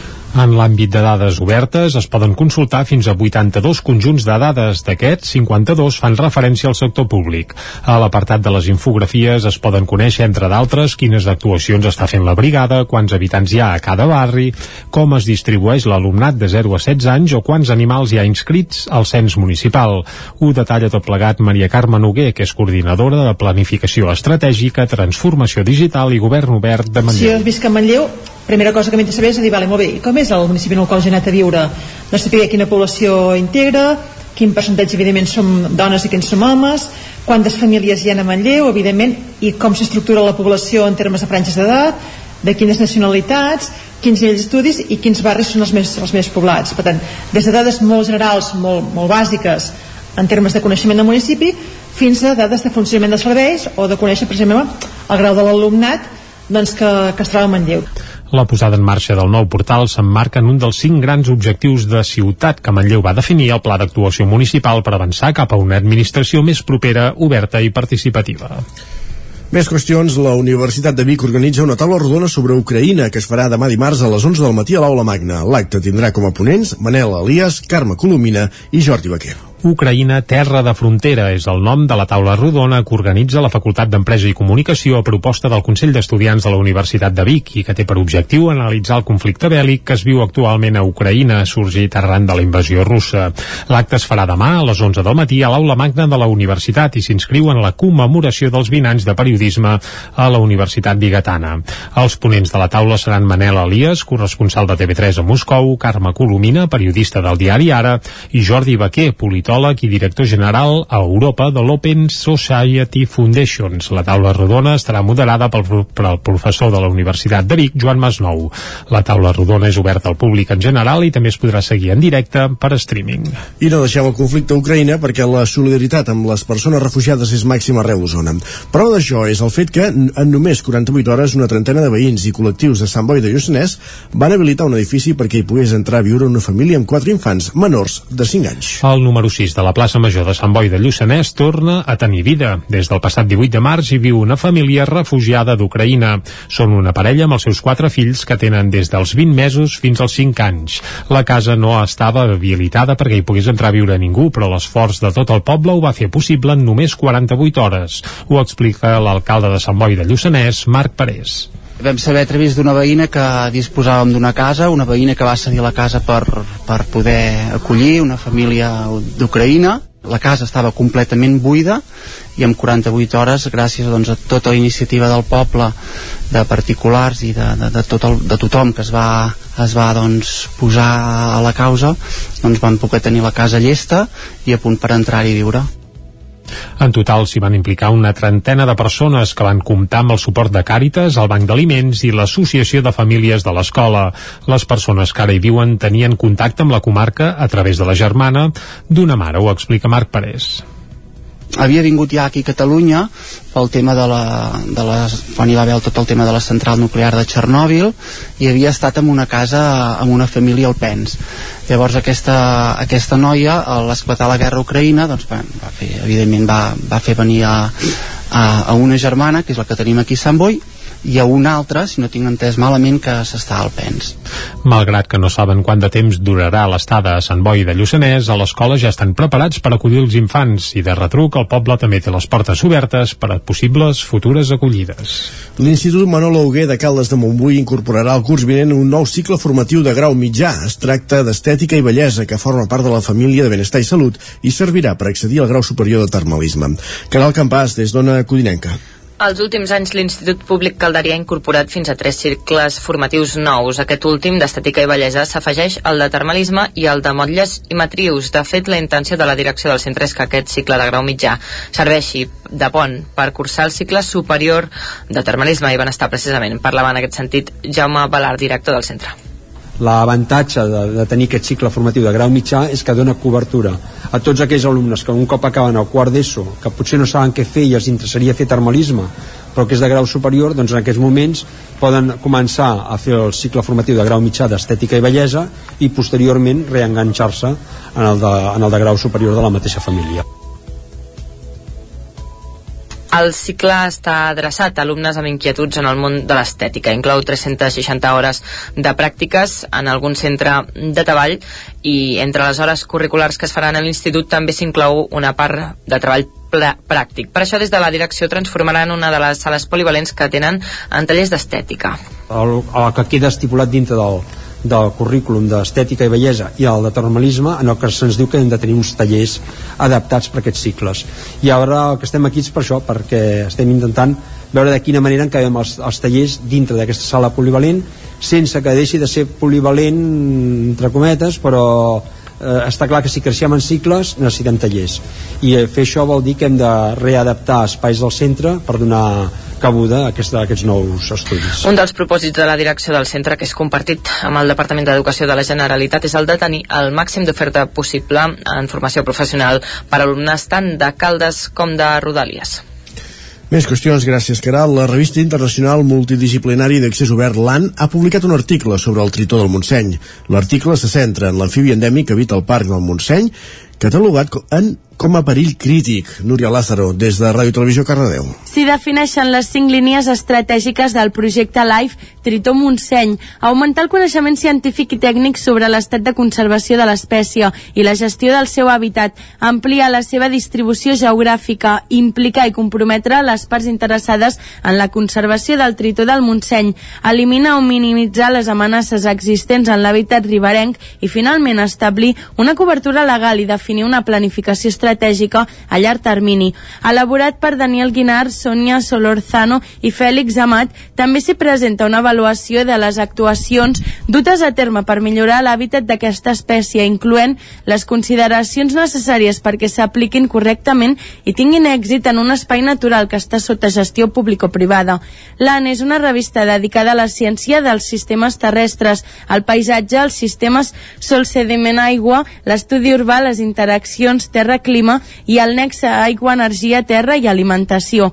Des del 1996, MDPI és l'entitat que s'encarrega de publicar els articles en línia amb una periodicitat mensual. La seva missió consisteix a garantir que la investigació rigorosa i d'alta qualitat es difongui de la manera més àmplia i ràpida possible. S'estrena una exposició de fotografies gegants sobre la violència a Centroamèrica a la plaça Gonçal Cotrina de Ripoll, Isaac Muntades, des de la veu de Sant Joan.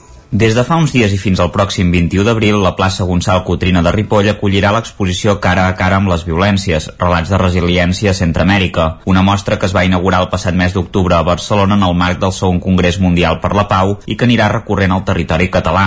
L'exposició l'ha impulsat el col·lectiu Ruido Foto i ha estat produïda per l'Institut Català Internacional per la Pau. Ruido Foto és una organització fundada l'any 2005 per sis persones que acaben de sortir de l'escola de fotografia i que volien fer periodisme gràfic amb una temàtica vinculada amb els drets humans. Ara són quatre fotògrafs socis que treballen amb dues periodistes i una persona que els hi porta el disseny i la comunicació.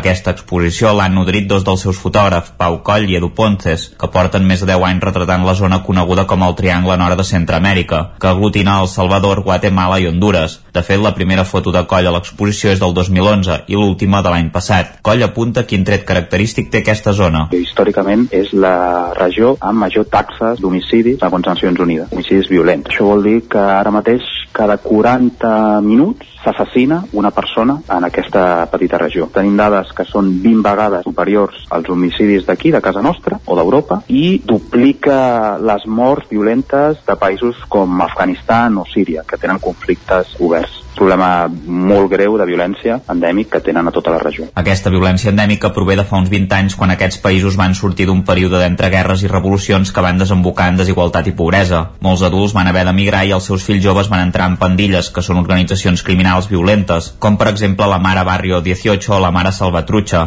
L'exposició està formada per unes estructures grans en forma de cub que contenen unes fotos enormes i que tenen un sentit. Que apostem per les exposicions al, al carrer. Tota aquesta regió que té aquest gran problema eh, és un forat negre mediàtic. No se'n parla. Llavors nosaltres, l'estratègia d'anar al carrer és per tota aquesta gent que no entrarà a una sala d'exposicions, no agafarà un diari i mirarà la part internacional, doncs s'ho trobi de cara. L'exposició està dividida en quatre eixos temàtics com són les dones, la infància, els joves i els migrants. Coll apunta que el govern local ha tingut una estratègia de madura per acabar amb la violència que ha generat més violència i ha estat estèril, amb més militars al carrer i persones a la presó. El fotògraf té el record d'haver entrat en una de les presons més dures de la zona amb sobrepoblació de presos, amb 100 persones dins de cel·les amb capacitat per només 20, molts dels quals malalts i sense gairebé aliments per menjar. També hi ha una foto d'uns nens mirant una taca de sang al terra, un grup de gent traient un taüt d'una casa o un nen agafant una pistola. La mostra inclou un codi QR a través del qual les persones interessades podran accedir a una traducció dels textos al castellà i a l'anglès. També està dotada d'un sistema d'audiodescripció per a persones cegues. Gràcies, Isaac. Passen 12 minuts dels 10 i us expliquem ara també que un concert del Quartet Faneca va servir divendres al vespre per presentar la cinquena edició del Festival Encanta de Roda de Ter, que es farà entre els dies 12 i 15 de maig. Faneca és una formació de folk rock progressiu amb seu a Madrid, creada el 2016 per quatre noies amb violí, violoncel, guitarra i percussió, a més de veu. A Roda hi van presentar Caliu, el seu segon disc, on s'atreveixen amb el català amb peces com Fulles i Vent, que va sonar divendres a Roda, en un concert que va servir per presentar la cinquena edició del Festival Encanta, un certamen dedicat a les propostes de petit format, amb la cançó d'autor com a eix vertebrador. El festival es farà entre els dies 12 i 15 de maig a diferents escenaris de Roda i s'hi podran escoltar propostes com les de Carlota Ortiz, Mireia Vives i Borja Panalba, la mallorquina Maria Hein, Gessamí Boada, Inspira, que tornen als escenaris, o el Petit de Calaril. Les entrades anticipades per assistir al festival ja estan a la venda des d'aquest mateix cap de setmana. I arribats a aquest punt, quan passen 13 minuts de les 10, el que fem al Territori 17, després de repassar les notícies més destacades de les nostres comarques en companyia de Jordi Sunyer, Isaac Muntades, Caral Campàs i Núria Lázaro, és conèixer la previsió meteorològica i per això el que fem tot seguit és saludar en Pep Acosta, que ja ens espera.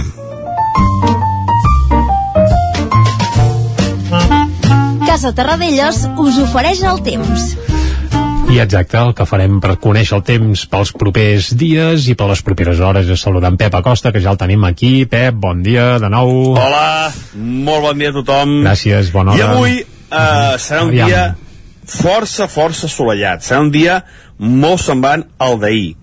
Però, atenció, aviso, eh, la gent que li agradi el sol, la gent que li agradi aquest ambient suau, eh, temperatures bastant altes i, i, i sense gaires núvols, aprofiteu avui, perquè ve una setmana força, força moguda i força, força freda. I el cap de setmana que ve, o sigui, aquest cap de setmana, a partir de divendres, en lloc de força, eh, diria que serà molt freda la setmana. L'ambient, eh, estic mirant mapes i s'acosta eh, una entrada de nord potent al cap de setmana eh, podem tenir força, força fred. Eh, molt fred al cap de setmana. Per tant, aprofiteu avui, com deia aquest matí, eh, molt de sol, les temperatures mínimes han baixat, eh, han baixat al Pirineu sobretot, en quedant glaçades, eh, això també ho vull destacar, eh, ja a finals de març, encara forces glaçades al Pirineu, cap a l'interior, a les poblacions interiors, les temperatures estan entre els 5 i els 10 graus, les temperatures eh, més agradables mínimes cap a l'interior. I avui, al matí, força sol, a la tarda més núvols, s'acosta un petit front eh, per l'oest, també a destacar aquest canvi, ja no tindrem fronts eh, de, del Mediterrani cap a l'interior, sinó és un front de l'oest, un front eh, atlàntic, això indica el canvi de vents, el canvi de situació eh, que tindrem, a, a la tarda tindrem més núvols, molts núvols entanyinats, eh, aquests núvols alts que entanyinaran el cel, i a la tarda aquests núvols faran més espessos. D'augment, sense precipitació, les temperatures molt semblants als d'ahir, la majoria entre els 16 i els 20 graus de màxima, contrast tèrmic entre el dia i la nit i suavitat de dia. Però, com deia, aprofiteu avui que ve més inestabilitat i ve més fred els pròxims dies. Vull dir que, ojo, ojo, que ve un, una setmana bastant complicada. Però avui, avui no, eh? Avui, com deia això, contrast entre el dia i la nit, eh, força sol al matí, a la tarda més núvols alts, cada vegada més importants, però sense precipitació. I això és tot, a disfrutar aquest dilluns, a disfrutar aquest començament de setmana, una setmana que segur que serà eh, molt bona per tothom. Gràcies, adeu, bon dia. Així ho esperem nosaltres també, sí. Una setmana que serà molt bona per tothom. Que divertit. No, home, per, per ell segur, perquè quan hi ha caliu meteorològic eh, la cosa s'anima i sembla que, que el tenim més despert i, i content. Doncs ens n'alegrem. I ara és torn de parlar, d'anar cap a l'entrevista. Doncs vinga, va, anem-hi. Casa Tarradellas us ha ofert aquest espai. Territori 17. Envia'ns les teves notes de veu per WhatsApp al 646 079 023. 646 079 023. WhatsApp Territori 17.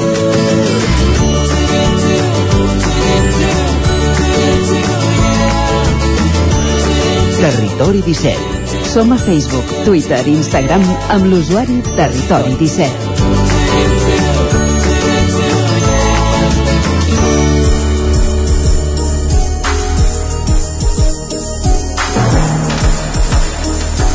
Aquest dissabte torna la competició esportiva solidària On Codines Trail. Els camins del Vallès Oriental s'ompliran d'esportistes que tindran l'objectiu de completar un recorregut de 80 quilòmetres corrent o 60 caminant.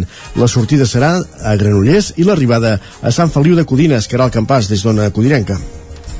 Torna aquesta esperada competició esportiva solidària per molts codinencs i, i ballesans també i per eh, saber no, més detalls d'aquesta segona edició de la competició tenim al telèfon a Lluís Vilalta de l'organització. Bon dia, Lluís. Hola, bon dia. Què, hi ha nervis, emoció? No sé si ho teniu tot a punt ja. Tot a punt no està mai, però, però, però segur que estarà. Si no, haurem de fer-ho com ho tinguem en aquest moment, però no, no, sí, sí, estarà tot, tot crec que està bastant ben encaminat. Mm -hmm. Estem parlant d'una competició esportiva, però sobretot solidària. Quina recaptació ha aconseguit fins a dia d'avui i a quines entitats es destinaran aquestes donacions, aquests diners? Mira, fins a dia d'avui portem 52.000 i pico, 52.000 euros. Uh, i es destinaran els diners que es recaptin al total, que seran, seran més, suposo que rondarem els 60, uh -huh. uh, se, es destinaran el 75% a un Covallès, a la Fundació Cavallers, un 15% a l'Institut Goodman, el, en concret el BB aquí, és una, és una branca de l'Institut Goodman que estudia les malalties del cervell, i aquest any hem incorporat una nova, una nova que és de càncer i es diu Enric de Vilavecchia i que es rebaran el 10% que es recapti. Um, aquesta segona edició va, va carregada de, de novetats una és aquesta, una de les fundacions que has citat um, a la qual destinareu les donacions però també començant pel, pel lloc de sortida eh? la porxada de Granollers uh, per què uh, aquest canvi? concretament no és la porxada, la sortida és Torres Val. Villà, és el parc Torres Villà, uh -huh. però la porxada és al cap de 150 metres, vull dir que passem per allà, eh? passem per allà. Però la sortida, per tenir tota la gent concentrada, el, tenim el parc Torres Villà, perquè allà és molt més fàcil tenir la gent sense, sense problemes. La última, la primera edició, eh, si mal no recordo, va ser amb sortida i arribada a Sant Feliu de Codines. Sí, sí, sí, és cert. Eh, I llavors, sí. com, com és que heu apostat, no?, ara de, de modificar eh, la sortida i fer-la fer, -la, a la capital? La, la primera edició va ser una cosa molt... està molt bé, perquè va ser un, era un homenatge, era, era una història més, més, més nostra, perquè, perquè era una companya nostra, i després amb el ressò que va tenir la primera vam, hem decidit fer la segona, però clar, mm, eh, una miqueta l'agraïment la, al territori i als que, ens han, els que ens han fet suport i els que ens han ajudat són els 11 ajuntaments que hi participen. Llavors vam pensar, hem de passar per tots els pobles que, que participem i, i la manera de fer-ho amb un recorregut no era més que, que un recorregut així lineal, si no, no podia ser. i una mica fer visible la cursa també tot arreu, no? El recorregut passa per Canovelles, les Franqueses, la Garriga, el Figueró, l'Ametlla del Vallès, Santa Eulàlia de Ronçana, Caldes i Sant Feliu. En quin punt es bifurquen el recorregut dels que van corrent i els que caminen? Diguéssim, on és la diferència als circuits? El, el, el recorregut quan ha passat, després de passar les franqueses que anem cap a la Garriga, en arribar a la Garriga, mm, al sortir de la Garriga per anar al Figaró, uns van pel Congost, els caminadors, i els corredors pugen cap dalt de Sant Cristòfol i baixen per Vallcàrquera cap, a, cap al Figaró. Aquí fan una volta ja que, que els hi suposa que els hi suposa fer 10 quilòmetres més que els altres, que els caminadors. Després, en arribar, quan pugem a dalt a Puiggraciós, abans d'arribar a Puiggraciós es tornen a separar els corredors dels caminadors i els caminadors, ai, els corredors se'n van cap a Sant Quirze, cap al Clascar, fan una volta per dalt, que també els hi suposa fer 5 o 6 quilòmetres més allà. I el, tornen a trobar-se per baixar fins a l'Ametlla, tornen a trobar-se a Puiggraciós, baixen a l'Ametlla, i després, a l'arribar a Sant Feliu, en els corredors hi fem un homenatge i els fem pujar fins dalt, a dalt de tot a, a Santo Domingo per, per arribar a, a la plaça, però després de dos quilòmetres i mig d'esforç final. Clar, per tant, 80 quilòmetres corrent amb molt desnivell, no? Um, sí, té mil metres més de desnivell la, la, la corrent que la caminant. Caral. L- l- Sí, perdó. Les mesures eh, Covid eh, tenim, suposo, suposem que, que són més relaxades ara de quan vau celebrar la primera edició eh, i no sé si això us ha facilitat més la feina o noteu més diferència. Sí, sí bà- bàsicament ens ha facilitat la feina, primera perquè no hem d'insistir en que la gent en què la gent hagi de, de complir una sèrie de normes. L'edició passada vam fer uns testos d'antígens i tot això, i aquesta, aquesta vegada no és necessari. Uh, a més a més, la gent, tots n'hem après una miqueta, i la mascareta, encara que no sigui obligatòria en exteriors, sí que és recomanable en moments de, de, de molta con concentració de gent, per tant, la, la mascareta la gent la porta perquè la porta, perquè si pel que sigui necessita, o hi ha un moment que hi ha molta gent, doncs se la, se la pugui posar, però no tenim cap, cap recomanació, cap, cap més recomanació a fer que, que això, que tothom tingui compte i, i ja està, que tothom vagi amb cura, però eh, actualment la gent ja hi va amb cura, no, no tenim cap problema en aquest aspecte. Molt bé. La recollida de dorsals es farà entre dijous i, i divendres. On s'han d'adreçar els participants? I l'altra pregunta, abans t'hem demanat la recaptació, però no sé quanta gent hi ha inscrit ara mateix. En aquest moment hi ha 86 equips. 86 equips. 86, i ja crec que no, ja crec que no n'hi haurà cap més, perquè teòricament les inscripcions estan tancades, tot i que si hi hagués algun equip que es vol apuntar a última hora, si fa el donatiu, el deixarem apuntar, encara que sigui amb un dorsal sense nom, però el deixarem apuntar. Vull dir que, que si algú ens està escoltant i té ganes de participar-hi, encara hi és a temps, que ens truqui i, i farem un, un foradet. I perquè Ah. fa els- la recollida de dorsals, demanàvem també, sí. La recollida de dorsals es farà dijous i divendres. Dijous a la tarda aprofitem que, que es pot venir a recollir el dorsal i a les 8 hi ha el briefing, que és on informarem a tots els, a tots els equips eh, les 4 o 5 coses que, que es aniran trobant pel recorregut. Explicarem també una miqueta, pues, una miqueta de tot. Eh, els dubtes que tinguin, que, que els hi puguem esvair perquè tothom estigui ben tranquil a l'hora de fer la prova. I on es fa aquest eh, El briefing es farà al centre cívic de Sant Feliu, D'acord. i crec que també es farà amb streaming eh, a través d'una codineca, crec. Uh, po pot ser, sí. sí, sí, sí. Però, Ah. però això, és, això em sembla que és notícia d'avui, eh, diria. Vale. Sí, sí, i tant, i tant. Estem, i sem, som sempre que, que ens necessiten i som. Um, per, per anar acabant, et, et volíem demanar també, um, te, teniu pensat fer una mica de, de festeta al final que, del recorregut, quan, quan tots els corredors arriben aquí, van arribant aquí a la plaça de Sant Feliu? No, una mica no. Tenim pensat fer una de molt grossa. Una festassa. Una mica de festeta no la farem, farem una festassa. Hem, hem, hem arribat amb l'orquestra Maribel i fem un final de festa eh, per tot alt. A, a, a més a més per agrair la feina de tothom, dels, vol- voluntaris, perquè els voluntaris és un dia que treballen moltíssim, de, de tota la gent que s'ha apuntat i participa, que són els que han fet el donatiu, i de, i de tothom en general, i de tot el poble que, que tothom pugui venir, que tothom pugui venir a la festa, que tots els pobles vulguin, la gent que pobles que participen al Codines vulgui venir a la festa aquesta venir és, eh, tot és gratuït, no, no s'ha de pagar res, i sí que m'agradaria dir-vos que eh, hem posat mil pulseres que ens quedaven de eren per recaptar diners per l'Encodines, els hem posat per recaptar diners eh, per aquests pobres refugiats ucraïnesos i aquestes mil pulseres que ens queden les posem a la venda al preu, al mòdic preu de la voluntat per recaptar aquests diners i poder-los enviar al Fons Català de Cooperació i poder ajudar una miqueta aquesta gent. Doncs la cursa... Una prova més de solidaritat de la prova amb Codines. Evidentment, Ornau, i la cursa solidària Un Codines Trail, que també és conscient de la situació que està vivint ara mateix el, el món a causa d'aquesta invasió d'Ucraïna per part de Rússia que, doncs, que també destinarà part de la, de la recaptació de la, dels diners que destina a la solidaritat, eh, com sentíem ara al Fons Català de Cooperació. Lluís Vilalt, un dels organitzadors de la cursa, que vagi molt bé aquesta cursa dissabte, se, com dèiem, 60 quilòmetres a peu, 80 corrent, entre Granollers i Sant Feliu de Codines, segona edició, i segur que en seguirem parlant durant anys. Moltíssimes gràcies per ser avui al Territori 17. Moltes gràcies i us hi esperem a tots. Aquí, aquí estarem, bon dia. Molt bé. Vinga, adéu, bon dia. Adéu. Gràcies, Caral. No sé si ja estàs a punt també de, per participar-hi. Uh, per participar-hi de moment no, però a Encara. punt per, per poder anar a veure alguna cosa potser sí. Perfecte, parlem més tard. Gràcies. Vale, després. El Territori 17 avança i continua. Tot seguit fem una pausa per la publicitat, ja ho sabeu, però tornem de seguida. Ja ens esperen Guillem Sánchez amb les pilades més destacades que ha trobat a Twitter. Passarem per la taula de redacció, avui parlant de la sortida de Joan Torró de la Universitat de Vic i també del Carnaval de Terra endins de Torelló i farem un repàs a la com ha anat esportivament parlant el cap de setmana pels equips del Territori 17. Tot això d'aquí 3 minuts.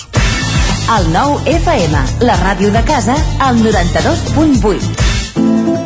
La vida i la naturalesa han portat Ernest Gingó a crear el seu primer disc i tu el pots ajudar a fer-lo realitat. Busca Seguint la Natura a la pàgina web Verkami i podràs fer la teva aportació econòmica a canvi del disc i d'alguns instruments artesanals que ha construït amb el seu pare, fuster de professió. Ajuda l'Ernest Gingó a fer realitat aquest primer disc que fa un viatge musical per la connexió amb la naturalesa. I un sentiment. Cobertes serveis funeraris. Els nostres tanatoris estan ubicats en els nuclis urbans més poblats de la comarca d'Osona per oferir un millor servei. Tanatori de Vic, Tanatori de Manlleu, Tanatori de Centelles i Tanatori de Roda de Ter. Sabem que són moments difícils i per això el nostre compromís és atendre-us en tot moment amb un tracte humà, sensible i respectuós. Cobertes serveis funeraris. Telèfon 24 hores 93 883 23 46. A la rostisseria El Plat ens agrada la cuina de sempre, la de les àvies i de les mares, la cuina feta amb paciència com s'ha fet tota la vida. Vine a provar els nostres canelons gruixuts o els croquetons, les nostres croquetes de 80 grams, i recupera el gust del pollastre a com els que es menjaven abans. Ah, i aprofita, fins a finals de febrer, 20% de descompte en els canelons i el pollastre. Rostisseria El Plat, encàrrecs fins a les 12 del migdia i servei a domicili. Ens trobaràs de dijous a diumenge al carrer Església número 6 de Taradell o al 93 135 58 85. Ja tens la teva disfressa? Carnestoltes a Manli. Vine i demana'ns la disfressa que vulguis. Trobaràs un món de fantasia en disfresses i complements per al Carnestoltes. Hi ha uns preus especials. Som al carrer Ramon Soler, número de Vic, i també ens trobareu a manli.cat. Fem de la festa una bogeria. Una bogeria. Estàs afectat pel càrtel dels cotxes? Si vas comprar un cotxe entre el 2006 i el 2013, pots recuperar fins a un 15% del preu de compra. Contacta amb Puig de Canet Advocats i et tramitarem la reclamació en col·laboració amb Redi Advocats, un despatx d'abast estatal amb més de 40.000 afectats, sense pagaments, sense riscos i sense judicis. Només cobrem si tu cobres. Truca al 93 883 3223. Cocodril Club. Si t'agrada la bona música dels anys 60, 70 i 80, escolta el 9 FM als matins de dissabtes i diumenges d'11 a 1. És el temps del Cocodril Club, tot un clàssic de la ràdio, amb les bases del pop-rock, les llegendes, les cançons que s'han convertit en autèntics himnes. Recorda, dissabtes i diumenges al matí, d'11 a 1, al 9 FM 92.8. Cocodril Club, el programa revival de l'Albert Malla. Hasta luego, cocodrilo. El 9 FM. El 9 FM. En punt dos quarts d'onze al territori 17.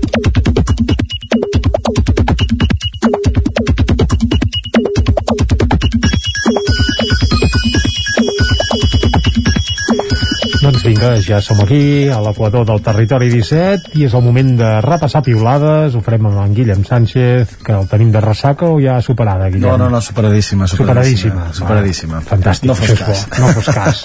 doncs va, posem-nos uh, a la feina, ens hi capbussem i per on comencem avui? Doncs hem de començar per tres piulades de Carnaval, que hem de recordar que encara queda un acte, l'enterrament de la Sardina. Correcte, i- i el dimecres. Per Sí, tant, sí. No, Això a Torelló sí. No es pot donar per acabat encara, Torelló. Torelló. Sí, sí. Uh, però ja hi ha gent que fa valoració d'aquests tres dies intensos de, Mhm. de festa que, que hi va haver aquests últims dies. La Gemma ens escrivia fa poques hores com es supera el Carnaval de Torelló. Amb un canvi d'hora. Amb un canvi Per exemple. Per exemple. Clar, habitualment no venia de bracet amb un canvi d'hora, però aquest any, amb el retard un mes més, doncs sí, uh, una hora menys per dormir la ressaca o el que faci Una hora falta. menys de festa, em sembla. O potser la mateixa hora de festa. No, jo més sí, tard. jo crec que la festa és la mateixa. El problema és que una hora menys per dormir i pair-la, sí. Doncs va, la Glòria també, també tenia clara la seva valoració un cop viscuda la festa. Ens diu quin gran espectacle, el Carnaval de Terra Endins, sens dubte. Qui millor s'ho passa són els participants, però jo que hi he anat de públic m'ha encantat. Igual que la Sierra, que també ens comentava i lo bé que m'ho he passat avui, ojalà tots els findes fossin Carnaval de Torelló. La, la, la, la veritat. Carai, home. Quin esbufec, Isaac, quin esbufec. T'imagines? T'imagines? Llavors, el carnaval seria la setmana que no es fes. Correcte, correcte. La festa seria aquells dos dies. Però avui també és dia d'un altre tema, ens el comenta la Marta, ens ho escrivia fa pocs minuts. Uh, diu, falten 5 minuts per dos quarts de 10. Diu, teniu exactament 5 minuts per gastar totes les bromes de Will Smith, millor actor de repartiment, perquè crec que ja s'ha fet, ja l'ha fet tothom. Va, passem a la següent broma. En Pere ens posava sobre la taula... Jo, sobre, jo sobre aquest tema també m'agradaria vaja, no sé, vaja, no sé la sensació aquest matí escoltant tots els és molt estrany, eh? és molt els estrany. magazins matinals de ràdio parlant d'una cosa que ningú ha vist i que interessa a un percentatge de la població bastant baix com són els Oscars en fi, eh, trobo que és Home, que algú reparteixi bufetades No. amb una... No, no. No, una gala però, però, és que, però és que gaire, gairebé ho lloàvem d'altra banda, eh? No, Ah, tampoc- bé, això ja, home, això no és per lloar, això és per criticar, per molt que et facin brometes i que t'ofenguis i tot el, el plegat, to era més d'anecdòtic que de criticar que, que de condemna i això és el, el que també em sembla Doncs va, des d'aquí sí que ho condemnem, no es pot anar amb garrotades per enlloc i menys amb una gala dels Oscars on vas a parar. De fet, de fet sobre li donen l'Òscar després, Sí. que encara I, I a part de demanar perdó, que és el que hauria d'haver fet, i em sap greu, abans m'he passat, el tio encara Sí, sí, és Mare que meva, no, sí, no té això- cap mena de... En fi. De fet, en Pere posa sobre la taula aquest comentari, ens diu més enllà... ell Això els diu- gaudir, per cert, no passa. No passa. Val més. En, en Pere ens escrivia, diu, De més, moment. més enllà de la broma i la bufetada, en Will Smith fa tota la pinta de ser el típic actor que ha quedat definitivament desequilibrat pe- pel personatge que ha interpretat, és una opinió de- d'en Pere, i diu, i potser un bon resum és el de la- l'Àlex, que ens diu, ni cal la broma de Chris Rock sobre el físic de ningú, ni cal la bufetada de Will Smith, ni cal la justificació de la violència perquè estàs enamorat. Jo potser em quedaria amb aquesta, amb aquesta dubte. Des que la violència no cal mai. Mai. Això ja ras i curt. Va, i venint del cap de setmana, el nostre company, l'Agustí Danés, ens compartia ahir una reflexió molt interessant. Diu, abans en diumenges d'impàs com avui, a casa solien venir parents de lluny a passar la tarda. S'asseien, parlaven d'un i de l'altre, de malalts i de difunts, i tard enllà es treia fuet i s'encetava una capsa de galetes. Aquest, el del fuet i les galetes, era el nostre moment. Bé, sí, sí, segurament molts hem viscut moments similars quan érem més Sí, menuts. sí. I aquí s'obria el debat del fuet i quines galetes s'obrien. Correcte, perquè de fet la Mercè ens deia a casa pagès cada diumenge a la tarda esperant tiets i cosins amb fuet i galetes birba de caixa de metall. Ah, les de Camprodon, mítiques. Birba, Pujol, de què sou més vosaltres? Mira, a casa... Doncs tries. Jo, jo també, Santa Coloma de Farners, les tries. I qui no recorda aquells uh, bé, aquelles neules uh, farcides de, de ostres, jo encara les tinc presents eh? tenc els ulls i les veig eh? farcides de, pa, pa, bueno, com de torró Praliner, no? Em sembla que era... Però cap, Bé, cap, havia cap menys un- preu a l'esbirba, eh? També ah, no, escolta, vist que l'esbirba, eh? Si ens volen enviar una caixa aquí a Territori 17, ho poden fer, eh? Uh, bé, uh, i nosaltres les tastarem i en farem propaganda que faci Ja gent, faci de, gent de galetes birba. Som a la plaça de la Catedral de Vic número 2, també a la veu de Sant Joan. Crida feta, crida feta. Galetes com vulgueu. Va, i ara una proposta de la Marta a la qual no sé si donaríeu suport. Ens escrivia No entenc per què el canvi d'hora d'estiu s'ha d'avançar una hora en una nit de dissabte a diumenge i no en un dilluns, per exemple, de les 4 a les 5 de la, de la tarda. Uf, si és dur el dilluns així, Sí, uh, uh, el dilluns. es, es nota que no té criatures, uh, aquesta noia. Sí, sí. Va, i per acabar avui una reflexió també d'en Víctor, que ho té molt clar, ens escrivia M'han convidat a un casament i a la invitació sortia el número de compte. Diu, he domiciliat la llum i el gas. Quin detall. Doncs espero que no li tornin cap, cap rebut, perquè si no sí que, sí que tindrà algun Sí, problema. això, això, eh, bé, és bastant habitual, eh? El que Sí, passa que sí, portem sí. dos anys que gairebé no hi ha hagut casaments per hem- culpa de la pandèmia i això hem ho de, havíem de tornar a oblidat. acostumar. Ens hem de, de tornar a acostumar. Domiciliari el llum i el gas ho trobo extraordinari. Sí, està molt bé, ens ho apuntem. Ens ho apuntem per si de cas. Guillem, Va, no et cases pas, no? Tu, de No, moment, però em toca anar a un casament a principis de juliol. Doncs ja saps on domiciliari. t'han enviat el número de compte o no? Ja ho dic aquí, dic, espero que en Miquel no m'ho tingui en compte. Molt bé. O amb compte eh, en el doble sentit, no? Bé, tant és, va. Molt bé, anem a fer un cop d'ull a les portades del 99.cat abans d'anar a la taula de redacció. Gràcies, Guillem, per cert. I fem un cop d'ull primer a la portada del 99.cat d'Osona i el Ripollès cobra explicant un equip que mira el Mundial i és que Xevi Pons, l'expilot de ral·lis, ben que ara és pilot, ha muntat un equip eh, doncs això, per enviar pilots a córrer a ral·lis i d'això se'n parla al 99.cat d'Osona i el Ripollès. També s'estabilitza la població de gavians que cria a la ciutat de Vic. Gavians són gavines que ja fa temps que estan arrelades eh, bé, a la plana de Vic, a part de les platges. I també apareix segona victòria consecutiva dels picats al Carnaval de Torelló. I anem cap a l'edició del Vallès Oriental. Ara mateix el 99.cat obre explicant que hi ha dos detinguts en dos pisos de Canovelles acusats de tràfic de drogues. També la policia de Montornès del Vallès frustra el robatori a un camió de mercaderies i també hi apareix que el Freikin Granollers disputarà una final de Copa set anys després. La final No, ja la va disputar, sí. la va perdre, però bé, com a finalista de la Copa, eh, segurament, en cas que el Barça guanyi la Lliga d'handbol, cosa que evidentment passarà, doncs se n'anirà l'any que ve, ja té bitllet, cap a Europa, a jugar a competició europea. Doncs queda recollit. Gràcies, Jordi, i entrem ara a la taula de redacció.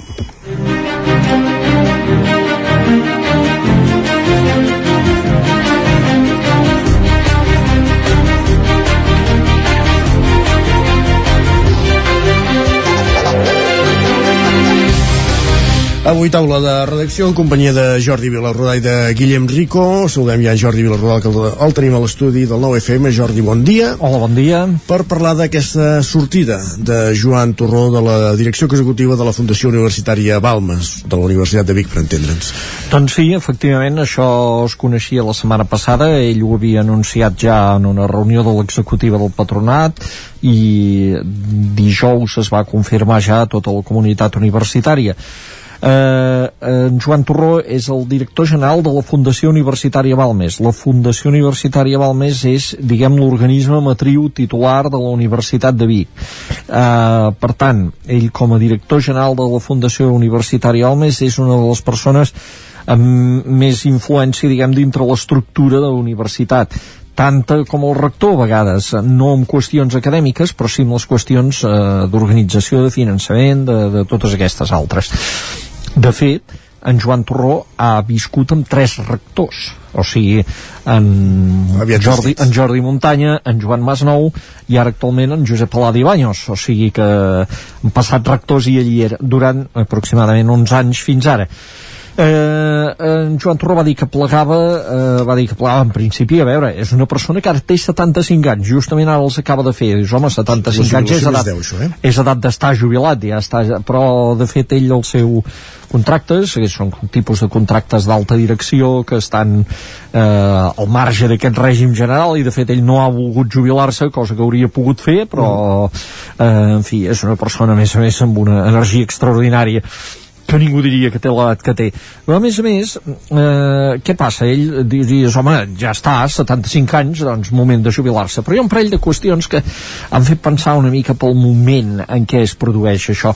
Eh, primer de tot, eh, s'està negociant el conveni programa amb la Generalitat, que és molt important perquè això és un acord, diguem, de l'universitat amb la Generalitat que diu, eh, vosaltres ens doneu aquest finançament públic, uns recursos, uns diners públics, i nosaltres ens comprometem a fer eh, això, això, això, això. Eh, per això es diu un conveni programa, que és per 4 anys. És la clau del finançament de l'universitat i això està caducat des de l'any 2018. S'està negociant el nou que a més a més és molt important perquè és el primer que ha de recollir que això ara ja és una federació universitària que és Carai. Vic, Manresa, a més Ja a més una la facultat a eh? Barcelona, etc etc etc. O sigui, el nou conveni per 4 anys ha de contemplar això i és molt important aquest conveni que durant aquest any s'ha de tancar Eh, per tant sorprèn una mica que una persona clau en aquestes negociacions com és en Joan Torró eh, plegui justament quan s'està en aquest procés eh, que, que no està tancat està, ja es diu, s'està negociant però de moment no està tancat això. I, i això és una de les, aquest és un dels punts claus per, per saber com serà el futur de la Universitat de Vic els propers anys. Aquest finançament, entre altres coses això en depèn si hi ha més diners públics es poden rebaixar el preu de les matrícules cosa importantíssima pels estudiants Sense dubte. Uh, per tant, aquesta és una. Després, un altre fet que sorprèn una mica és que els mandats del director general de la Fundació, en aquest cas en Joan Torró, van lligats sempre mm, no els rectors, com canvien els rectors de la universitat, sinó els alcaldes de Vic. Per què? Perquè l'alcalde de Vic, l'alcaldessa en aquest cas, és la presidenta del patronat de la Fundació Universitària Balmes. Aquest és un seu càrrec de confiança. Per tant, normalment, el mateix Joan Torró deia que ell, cada vegada que hi havia eleccions municipals, posava el seu càrrec a disposició, si la persona que està doncs, al capdavant de l'alcaldia diu endavant, doncs endavant, quatre anys més, molt bé. Doncs això també sorprèn perquè es produeixi ara que falta just un any per les eleccions municipals. Ara imaginem-nos, substitueixen en Joan Torró, posen una altra persona, que de fet l'Ajuntament diu que el procés ja està està en marxa sí. eh, i, i d'aquí un any hi ha un canvi a les- a l'alcaldia de Vic I canvien també el director de tribunal. I, i, i llavors el, I torna a negociar contracte Clar, programa. eh, llavors depèn de que la, la persona que pogués ocupar aquest càrrec sigui de la confiança del nou alcalde o alcaldessa. Mhm. eh, clar, eh, per tant també és un moment que dius, home, no podíem haver esperat un any més acabar el mandat del patronat, de, de eh, fer coincidir amb les eleccions municipals, que és el moment en què canvien molts dels membres del patronat, etc etc etc. Per què passa això en aquest moment? Que és una mica la pregunta que ens fem i que esperem també que ens contesti en Joan Torró de la setmana passada en parlàvem amb l'alcaldessa de Vic amb l'Anna R que deia que no hi havia res que no fos doncs, una, un desig d'ell de jubilar-se i que no se li podia demanar més perquè ja havia fet molt per la universitat i que esperava doncs, que eh, almenys fins al setembre estigués vetllant doncs, el procés diguem de, de, de canvi de traspàs a una nova persona la persona que el succeeixi en el càrrec, etc etc. Uh, però bé, deixem aquestes qüestions perquè són òbvies, són una, unes qüestions de dates i de moments que, que, que cadascú pot interpretar com vulgui, però els fets són els que són, és a dir, en aquest moment s'està negociant una cosa clau per a la universitat i plega el director general de la Fundació que no deixa tancada aquesta carpeta. Eh, Veurem. veurem. A, a veure com evoluciona els pròxims dies. En tot cas, sí que és veritat que plega una persona que eh, ha estat en algunes coses eh, ha influït més en el futur d'aquesta universitat i en el que s'ha fet en els últims 10 anys que els mateixos rectors. Doncs veurem com evoluciona i aquesta, aquesta setmana està previst que, que Joan Torró també hi digui la seva tot plegat. I gràcies Jordi per ser avui al Territori 17. Gràcies. I continuem aquest Territori 17, continuem en aquesta taula de redacció, tot seguit en companyia de Guillem Rico, per parlar de, del que ja hem anat esmentant al llarg d'aquesta hora i mitja que portem de Territori 17, que és aquesta recuperació del Carnaval de Terra Endins de Torelló, després d'un any que no s'ha poder celebrar per la pandèmia, dissabte es podia celebrar la festa, va ser festa grossa, el Carnaval va tornar amb tota l'energia possible, i, i amb aquesta consolidació de la colla dels Picats de Borgonyà que ha aconseguit la seva segona victòria consecutiva. Després de molts anys participant a la Rua en molts formats i, i amb tipologies diverses eh? però, però amb aquesta nova etapa de, dels Picats doncs, que, que comencen a, a sumar triomfs. Guillem Rico, bon dia. Hola, bon dia Què, com ha anat el carnaval? El carnaval. Eh, necessitem ha una, una, que ja, necessitem una, sols això ja és molt. necessitem una visió subjectiva des d'un participant a la rua, com és el teu cas, Visió, eh? subjec visió subjectiva, que plovia, però, Però- però- però- però però això va importava poc, poc, al principi. importava poc. Sí que era en plan, ostres, després de dos anys, a veure si ara, per primer cop a la història, s'haurà no, no s'ha per, per la pluja. el carnaval per pluja, no Per fotem. pluja no, per neu sí. Per neu sí, però per pluja per no. pluja no. Uh, bé, uh, va anar bé, va anar bé. Uh, això, com deies, els, els picats de Borgonya s'han consolidat, uh, moltes colles uh, joves o bueno, en aquest cas no tan joves, però sí que hi va haver un relleu generacional que ja va fer que el 2019 quedessin en segon lloc el 20... Deixem un colles a la flor de la vida. Exacte. Um, no? Hi ha allò que diem, no? De, moltes vegades uh, guanyen dues vegades consecutives uh -huh. uh, n'hi ha que tenen els grillats sempre Sí, mai aconsegueixen guanyar, eh? guanyar tres cops seguits Uh -huh. Uh, en aquest cas sí que els de I Borgunyà ara porten dos anys seguits sense guanyar, que jo també feia temps que no es donava. Sí, això també és veritat.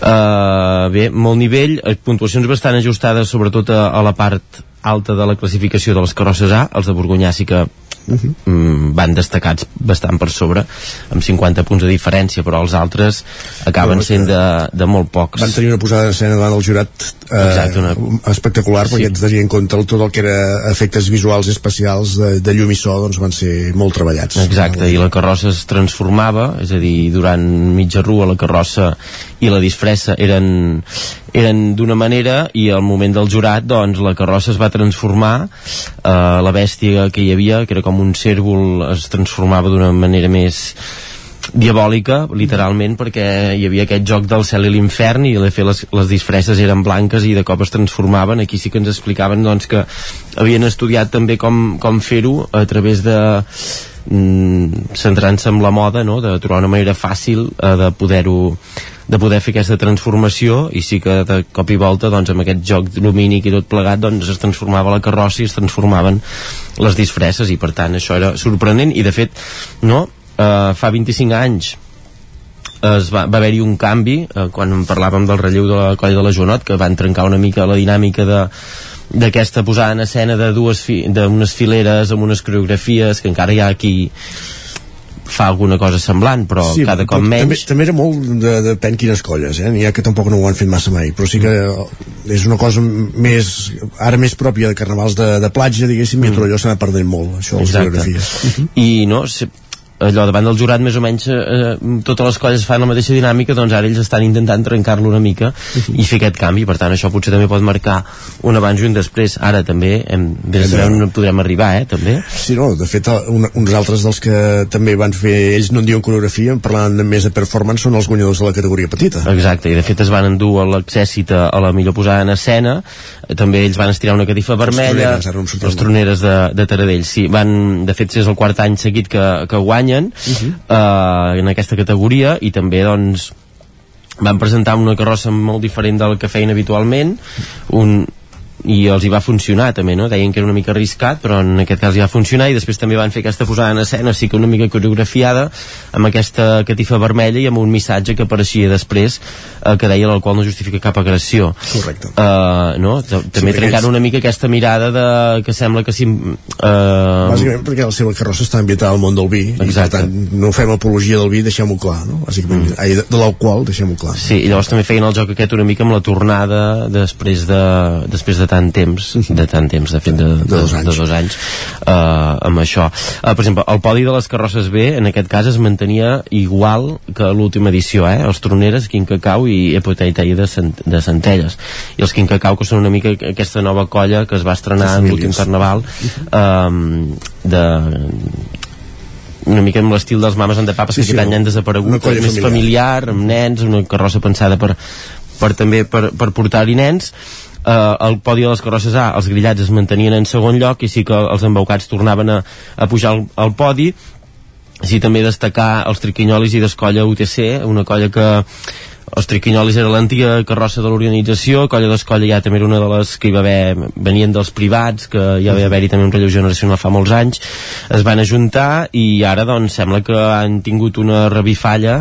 Eh, de fet s'havien ajuntat en part perquè també eren pocs perquè mm, pel relleu etc. aquest any eren també una de les colles multitudinàries i han, han pujat posicions i s'han col·locat en aquest quart lloc i amb molt a tocar, amb molt poca diferència també amb un diumenge qualsevol que també és una d'aquestes històriques de, de la lleu generacional que va guanyar tres vegades seguides fa 10-12 anys Fa i, segles, sí. i, i s'ha quedat allà Sí, sí. Però- Saps que és molt eloquent també d'aquest any? El haver-se declarat desert de l'exèrcit de la sàtira. Sí, perquè era precisament un dels exèrcits que se solien, que en algunes ocasions havien anat a parar un diumenge qualsevol. Sí, o els tres quarts de 15, I però els, clar, és els tres quarts de 15, i antigament el 9 en Renau se'n havien dut moltes Molts. vegades però també. clar, la sàtira que era una de les idiosincràsies dels carnavals de tota la vida i s'ha anat perdent en el cas de, de Torelló diguéssim cap a aquests elements més fantasiosos aquesta... Sí, és un altre, és un altre És un estil altre i, i és allò per Carnaval tot s'hi val i la sàtira aquesta del Carnaval sí que en aquest cas no hi és i, i moltes vegades es veia més potser amb les carrosses B i també va, va, va mutant però sí, sí, i llavors també destacar aquest, aquest exèrcit nou a la sostenibilitat en què es valora una mica com està feta la carrossa, els materials, tema una mica amb aquesta l'ordre del dia, no? De, del medi ambient, del canvi climàtic, la sostenibilitat, intentar doncs això, reutilitzar materials o utilitzar materials menys contaminants i ja no només amb els materials sinó també amb altres petits elements de, de la colla, per exemple, doncs, com els gots reutilitzables, eh, etc. no? perquè també és per construir aquestes carrosses doncs es necessita molt material i al final és un Que material petja sigui mínima. que, exacte, i que perquè llavors això es desmunta i l'any que ve se'n fa, No, se'n no. fa un altre, sí que ja s'aprofiten coses però que hi ha una part, llavors també hi ha el poliuretà que també és contaminant i clar, la majoria de carrosses doncs van injectades i llavors això sí que, que hi ha aquest punt i ara sí que hi ha just enterrament de la sardina aquest dimecres per rematar el 44è Carnaval Un més tard. Gràcies, Guillem. Adéu. Bon dia. Acabem aquesta taula de redacció. Anem a fer el repàs de la... com ha anat el cap de setmana esportivament parlant al Territori 17.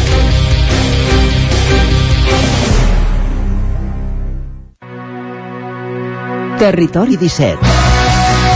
El 9 FM, la veu de Sant Joan, Ona Codinenca, Ràdio Cardedeu, Territori 17.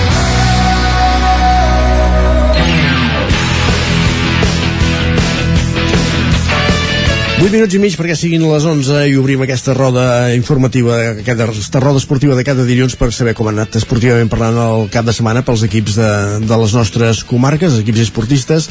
Comencem aquest recorregut eh, als estudis de Ràdio Cardedeu amb l'Òscar Muñoz. Aquí ja saludem. Bon dia, Òscar. Bon dia. Doncs sí, comencem el repàs del cap de setmana, un cap de setmana que no ha anat gaire bé futbolísticament parlant. Doncs va, Així explica'ns, que allarga'ns aquest titular, comencem... Exacte. Comencem amb l'equip sènior del futbol Cardedeu, que ahir va perdre per 0 gols a 2 contra el Sant Pol. Tot i jugar a casa, tenien davant a un Sant Pol doncs, molt fort, que va obrir el marcador a la segona part amb els gols al 54 i al 89 per sentenciar ja el partit. El primer equip es manté a la segona posició de la segona catalana a 8 punts del primer d'Alcaldes i té a, a, a, dos, a dos punts el Torelló. Així que està entretinguda la segona catalana on el primer equip ja ho té molt difícil per tenir aquesta posició d'ascens a una nova lliga. Eh, on s'hi va haver-hi victòria va ser el filial que va poder superar el Bellavista Milan per 3 gols a 5 o sigui, partit bastant entretingut d'anades i tornades. Això va fer que el filial acabés la primera part amb un 0 a 3 i el, el Bellavista doncs, va reaccionar a la segona part tornant-li un tornant-li tots els gols a Cardedeu per posar el 3 al 3 al marcador. A falta de 10 minuts per acabar el partit doncs aquí a Cardedeu doncs, sentenciaria acabant amb aquests gols al 85 i al 89 el filial que segueix primer a la tercera catalana eh, el segueix el Sant Celoni amb un partit menys. I acabem la tercera catalana amb el Sant Celoni ai, amb el Llinars del Vallès que, que no, va poder, no va poder contra el Vilanova i va empatar a 0 en aquest resultat eh, li afecta més al Llinars que perd una posició de la tercera catalana i ara estan a la posició número 11 acabem amb el futbol amb la derrota de l'Esport Club eh, que no va poder eh, superar i va perdre per 3 gols a 0 eh, ells també doncs, perden una posició a la Lliga i ara estan eh, a les posicions de descens, a les pitjors posicions que és molt fàcil arribar-hi però eh, molt difícil sortir Uh -huh. al futbol, com veus, només hem portat una, una victòria sí. contundent, però només una, eh, on sí va, ha anat molt millor que cap de setmana ha sigut a l'handbol. eh, anem a l'handbol a Cardedeu, doble victòria dels dos equips sèniors del masculí com el femení, els dos equips es jugaven la permanència de les seves respectives lligues, de la lliga sènior eh, masculina o femenina, i això, l'equip femení va guanyar dissabte contra el Cano Velles i es va endur la victòria per 19 gols a 32, partit bastant còmode per les noies sènior, i l'equip sènior masculí va guanyar ahir a casa per 34 a 25 com hem comentat, els dos equips contra el, contra el Canovelles, així que bones sensacions pels equips cardedeuencs que necessiten sumar, sumar i sumar per poder mantenir-se en aquesta lliga eh, sènior masculina femenina. Molt bé. Acabem, acabem l'handbol a Granollers, Sí. Les, les noies del CAC 7 van guanyar el partit que tenien de la Lliga contra el Zanza, Zanza eh, Osícar Lanzarote per 3 de 8 gols a 24 bona victòria per al, al, les noies del CAC 7 i el Franquín que aquest cap de setmana doncs, no, tenia, eh, no hi havia Lliga Sobal ja que jugaven les finals de la Copa del Rei. Va fer bon cap de setmana de joc al Franking que va arribar a la final i doncs es va repetir el clàssic de sempre, va perdre contra el, contra el Barça. contra l'omnipresent i totpoderós Barça. Però això, bon, bona competició evidentment en un gran any del, del Franking Granollers. Òscar, moltíssimes Sí, gràcies. ah, digues, digues, Ai, perdona. Molt bé. No, res, que el Granollers sempre es manté en aquestes posicions i, bueno, és un goig tenir un equip tan a prop, no?, que estigui tan, tan, tan bé a les seves... tan amunt, exacte. Perfecte, gràcies Òscar, fins ara que vagi bé. Continuem aquest recorregut encara al Vallès Oriental, als estudis d'Ona Codinenca. Com ha anat això? Com ha anat el cap de setmana, Caral? Doncs tenim de tot, tenim de tot. Uh, començo pel futbol a segona catalana, al grup 6, on el líder, l'alcaldes de Montbui, s'ha reafirmat encara més en aquesta primera posició aquest cap de setmana, després de derrotar per la mínima al Molinos, els de Mataró. Uh, bé, l'únic gol del Zina va, donava 3 punts així al Caldes en un camp complicat i tancant el marcador per aquest 0 a 1. Uh, comentar també que aquests uh, 3 puntets i, i que d'altra banda el seu principal perseguidor, el Cardedeu, ha sigut derrotat, ha donat 8 punts d'avantatge als calderins respecte als de Jordi Peris, per tant, bé, eh, comencem aquest repàs eh, força bé. Eh, on no ha anat tan bé és a tercera, el grup eh, 5. El Sant Feliu de Codines ha sigut derrotat per l'Olímpic La Garriga per 1 a 2. Eh, els codinencs així es mantenen a la part mitja de la taula i l'Olímpic, eh, d'altra banda, es va costant el, el liderat. Eh, el que sí que li ha anat bé ha sigut el filial del Caldes, que ha sigut eh, seguit, perdó, l'estela del primer equip, podríem dir, emportant-se el partit contra el Fulgaroles per 3 a 1.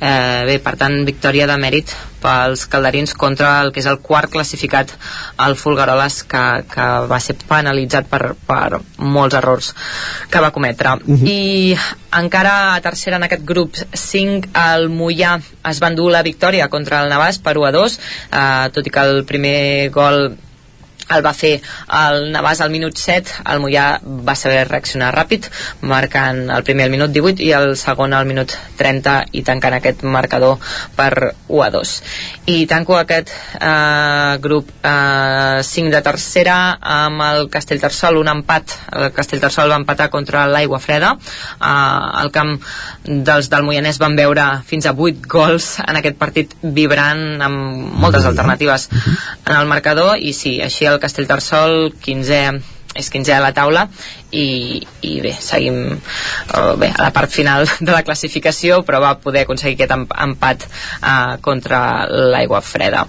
Eh, me'n vaig a l'hoquei um, notícies no gaire bones pel, pel Caldes a primera divisió eh, que tot i trencar la mala ratxa no va poder passar de l'empat aquest cap de setmana.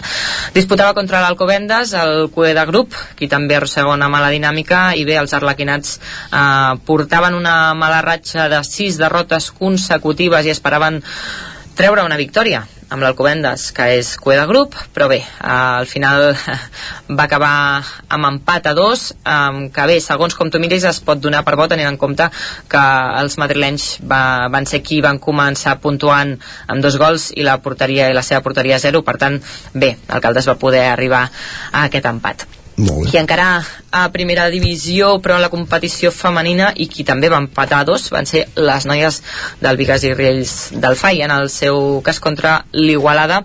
I bé, així les ballesanes guanyen un puntet que les manté a la vuitena posició amb 26 punts. I acabo a l'hoquei a segona divisió. El Sant Feliu de Codines s'ha endut la victòria contra el Tordera per 2 a 3. Uh, un pas, podem dir, molt important per la permanència en un partit marcat per la gran actuació del porter del Sant Feliu de Codines, Amer. Uh, bé, comentar-vos que la primera part va ser tranquil·la i sense gols i la segona, i, al minut, i a 9 minuts pel final, el porter va aturar una falta directa i així el Sant Feliu de Codines en inferioritat va fer aquest tercer gol i aquesta victòria merescuda pel Sant Feliu. Perfecte, doncs moltíssimes gràcies, Caral. Gràcies a vosaltres. Bon dia. I ja tenim a punt l'Isaac Muntades des dels estudis de la de Sant Joan per repassar els equips de, del Ripollès com ha anat el cap de setmana. Doncs tenim una mica de tot, Isaac. Eh, comencem per una molt bona notícia a la fase de permanència del grup U4 de futbol, i és que a l'hora de la veritat doncs, el Camprodon va aconseguir guanyar per 3 a 1 a la Mer, en un partit en què van ser molt millors que els de la Selva i van tenir també més efectivitat que d'altres partits i d'aquesta manera doncs, s'han posat líders d'un grup de 5 equips amb 3 punts. Recordem que baixen eh, els dos últims. A la primera part el Camprodon va assetjar el, el, el seu rival van tenir ocasions clares per marcar però va ser Sanding eh, qui va obrir la llauna de penal pel, pel Camprodon. La Mer sí que va aconseguir empatar amb una pena màxima dubtosa al cap d'uns minuts, que va ser transformada per Romero. Es va arribar amb empat al descans. A la segona part semblava que començava millor l'equip visitant, però el Camprodon va millorar i molt i doncs, eh, a través de, del joc per les bandes va aconseguir portar de curt la defensa visitant. Eh, una passada de la mort de Nicola va aprofitar Pol per fer el 2 a 1 i, i Lluc va aprofitar una pentinada d'Aisa per fer el definitiu 3 a 1. Per tant, bones notícies pel Camprodon grup 19 de la tercera catalana de futbol. Eh, tenim dos empats, la Badesenc va rascar un punt de molt de mèrit al camp d'un dels líders de la categoria, el Sant Gregori. A la primera part els gironins van tenir forces ocasions, però els visitants també van tenir un parell de pals per avançar-se. A la represa Danso va marcar aprofitant un refús dins l'àrea i quan la victòria local semblava que no es podia escapar doncs Ochoteco va empatar amb una rematada al segon pal que va anar a l'esquadra. I la Badesenc va tenir alguna ocasió al final però no va transformar-la. Ara setem 35 punts. Per la seva banda resultat resultat insuficient del Canano que no va passar de l'empat a 0 contra el Cellera en què cap dels dos equips doncs, va estar encertat i ara cinquè amb, amb 39 punts. A la segona fase primera catalana d'hoquei patins l'hoquei Ripoll segurament va fer el millor partit de la Lliga. Eh, va golejar per un escandaló 7 a 1 al Sant Feliu de Codines B van ser molt superiors eh, de fet eh, es va arribar doncs, amb 2 a 0 al descans podrien haver set més eh, va aconseguir retallar el Sant Feliu amb el 2 a 1 però després sí que el Ripolleros sobretot el tram final van aconseguir 4 dianes seguides després de, d'haver aconseguit el 3 a 1 per fer doncs, un resultat bastant important. Uh, Jaume amb un triplet i David també amb, amb 3 gols van ser els artífecs de, de la victòria i el Ripoll és cinquè amb 13 punts i està només un de lluitar pel playoff del títol de Lliga. I finalment qui ho té més complicat és el, uh, l'escola de futbol sala Ripoll Servicat de la primera nacional de futbol sala que va perdre la pista del Belda per 4 a 1 en un partit que es va arribar 2 a 1 als instants finals i que el, els ripollesos doncs, van perdre perquè van ser valents per intentar remuntar el partit, van treure el porter jugador i l'Albelda va fer dos gols uh, al final. Ara mateix el Ripoll és penúltim a la Lliga amb 9 punts i un partit menys i només en queden 7 per acabar la Lliga i per evitar un descens uh, que cada vegada sembla més a prop, uh, tot i que tenen la, la salvació només dos punts. Doncs veurem com evoluciona. Gràcies, Isaac. Fins després. A vosaltres. Adéu.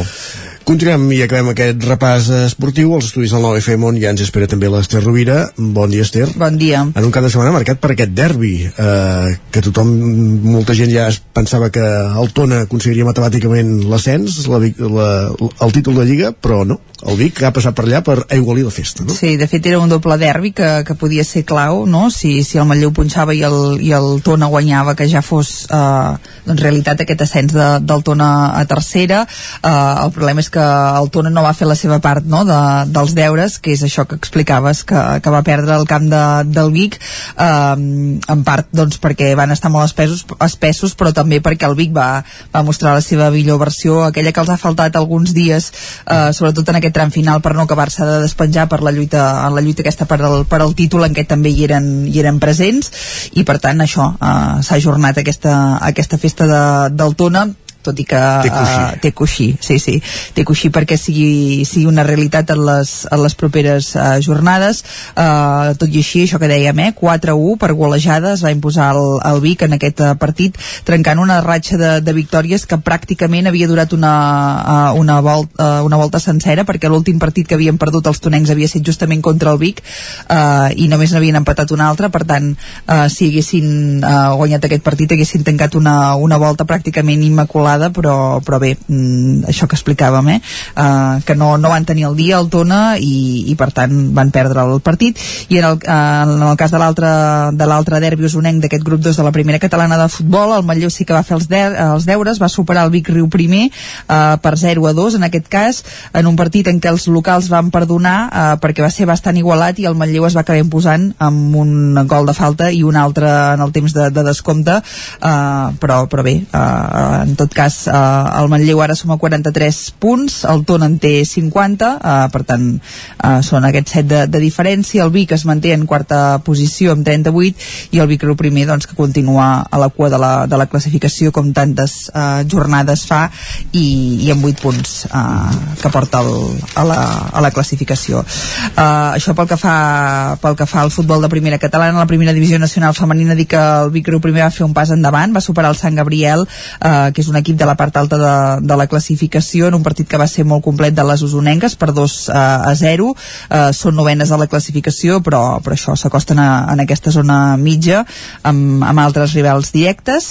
I pel que fa a l'hoquei dir que aquest cap de setmana el Voltregà eh, disputava partit de la World Skate Europe Cup Sí. eh, i va aconseguir empatar dos gols a casa contra, contra el Valdanyo eh, per tant ara jugaran la classificació eh, a la pista del, del conjunt eh, italià. Va ser un partit molt igualat de principi a final en què els dos conjunts van disposar d'opcions per emportar-se la, la victòria eh, però, però això que dèiem eh, caldrà veure la tornada eh, com, com van les coses per, per desfer aquest empat i en el cas del Manlleu tenien partit de d'hoquei Lliga eh, visitaven eh, doncs segurament la pista més complicada de totes en què ja d'entrada tothom hi va assumint que, Que no. eh, que, el, que la, la qüestió és tant sabem quants gols encaixaràs no? però, que, però que és molt difícil que no sigui així eh, va perdre el Palau Blaugrana per 10 a, a 2 sense tenir cap mena d'opció eh, doncs contra el Barça malgrat venir d'aquesta victòria. Recordem del cap de setmana passat contra el Reus que, que havia de donar ànims i que en va donar eh, de fet en Sí, els manlleuencs però clar,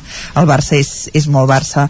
En el cas de la, de la competició femenina de l'hoquei Lliga femenina dir que el, el Voltregà va patir una derrota sobre la Botzina a casa contra el Cerdanyola per 3 a, a 4 eh, un gol que, aquest de la, de la victòria que va arribar a manca de 3 segons eh, per al final del partit. Per tant eh, un cop d'aquells que, que fan mal. I el Manlleu per la seva banda visitava la pista del Girona on va guanyar per, per 0 a 6 eh, i hem de dir que, que tot i així, tot i aquest ampli marcador eh, les de Jordi Boada van dominar però els va costar eh, marcar davant el, el cué de la Lliga. Eh, tothom eh, estem, ens estem acostant al final de, no, de les temporades i tothom doncs, intenta treure alguna cosa de, no, de, de positiu dels partits i, i, i per tant tothom és un rival complicat. I en el cas de l'hoquei Lliga Plata eh, dir que el Pativí va plantar cara però no va poder eh, superar a casa un efectiu al picat va perdre per 2 a 4 mentre que el Taradell sí que va eh, superar el Xum eh, en el seu cas per 3 a 6 a domicili i d'aquesta manera recupera la segona posició del grup, eh, del grup sud de la, de la categoria. I acabem amb un parell de punts més. En el cas del bàsquet dir que el Club Bàsquet Vic Universitat de Vic va aconseguir una victòria plàcida en la seva visita a l'Artés per 53 a 77 eh, fent els deures a, a fora eh, i d'aquesta manera doncs continuen en sisena posició del grup C3 de la Lliga EVA i eh, dir també com a punt d'interès d'aquest cap de setmana hi havia les finals del torneig jo Joan Mir de tennis sí. sub-16 internacional a, a Torelló eh, uns partits eh, doncs que, que es van acabar imposant eh, els dos cats de sèrie eh, número 1 Timo, eh, Timofei, aviam si ho diré bé Terepasco i Helena eh, Kabokova eh? Apunteu-vos aquest nom que d'aquí algun any el sentirem parlar al circuit internacional també. Sí, això és el que acostuma a passar en el, en el torneig de, de Torelló i, i segurament ara no serà, no serà una excepció, eh? I això seria el més destacat de- d'aquest cap de setmana. Perfectíssimament, gràcies Esther. Que vagi bé. Bon dia. I ara que passen 8 minuts i mig del punt de les 11 ens actualitzem al territori 17. Territori 17, amb Isaac Moreno i Jordi Sunyer.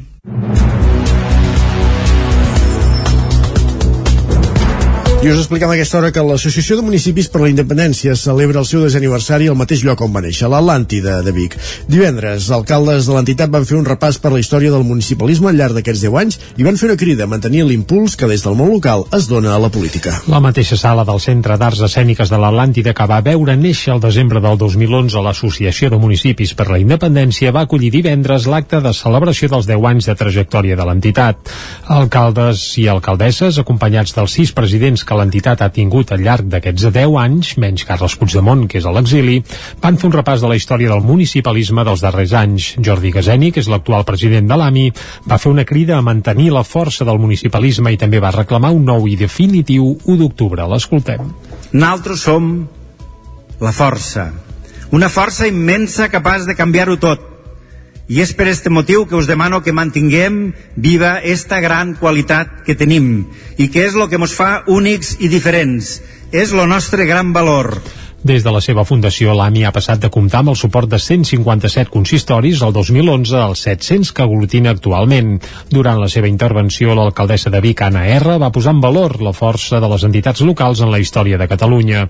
Durant l'acte també es va parlar de la repressió que han rebut més de 600 càrrecs electes els últims anys. Escoltem a Anna R, alcaldessa de Vic. Tots sabem que diguem-ne que moltes vegades ens ha costat un preu molt alt, és a dir, tota aquesta lluita sí que tenim a darrere o a davant moltes vegades que juguem aquest estrat opressor que en el fons l'únic que vol doncs, és desmoralitzar-nos, destruir-nos i d'aquí que tinguem l'absència no, d'un de les presidències que tinguem encara doncs, el president Puigdemont a l'exili i com no, i més avui que som a Vic també un record especial a la Marta Rovira que encara pateixen doncs, eh, el que és aquesta repressió de l'estat espanyol. Durant l'acte es va exhibir un vídeo de la trobada de presidents de l'entitat que es va fer el passat mes de gener a Brussel·les i es va inaugurar l'exposició de fotografies 10 anys de l'AMI, independentisme, la força del món local, una mostra que per cert es podrà visitar al vestíbul de l'Atlàntida de Vic fins al proper dimecres 6 d'abril.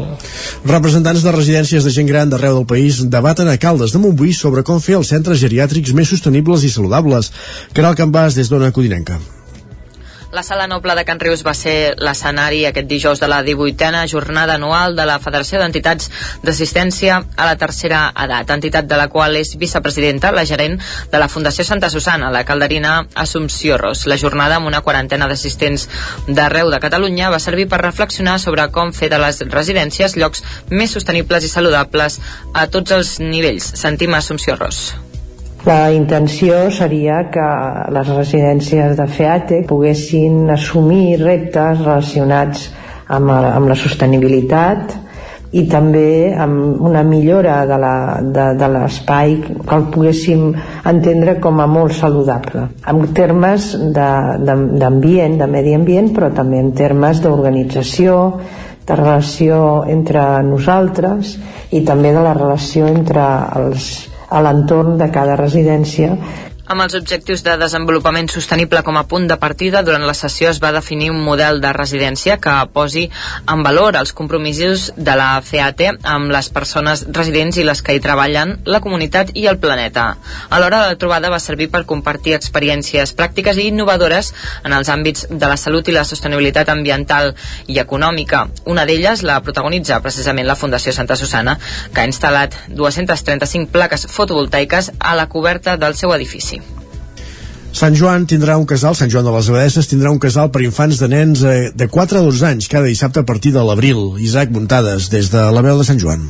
A partir del pròxim 2 d'abril, Ubuntu i l'Ajuntament de Sant Joan de les Abadeses oferiran un casal educatiu i de lleure per infants de 4 a 12 anys tots els dissabtes de 10 del matí a la 1 de la tarda, una activitat que va néixer de la proposta del Departament de Feminisme i Igualtat i que funcionarà en paral·lel al curs escolar, és a dir, s'acabarà al juny i es reprendrà al setembre. L'entitat Ubuntu ja va oferir el casal de Nadal el passat desembre i gestionarà l'espai anomenat Petricor. Es tracta d'una sala polivalent de l'edifici de l'Abadesa Emma on s'hi van fer obres i s'hi va instal·lar la calefacció. Allà s'hi poden fer activitats activitats esportives o de moviment i creació. A més, a l'estiu es pot sortir al terrat de l'edifici. També està previst que s'organitzi un casal per Setmana Santa de l'11 al 14 d'abril. El preu del casal serà de 10 euros al mes i hi ha previstes bonificacions per les famílies vulnerables i hi ha una limitació de 24 places. Per ara ja hi ha 4 famílies que s'han interessat en la documentació per inscriure-s'hi, que s'ha de fer a l'oficina de turisme, al centre cívic o trucant al número de telèfon habilitat. El responsable d'Ubuntu, Oriol Ramos, explicava com volen enfocar les activitats. Sobretot, si el temps ens ho permet, el que farem és coneixement de l'entorn i del què hi ha en l'entorn. És a dir, buscarem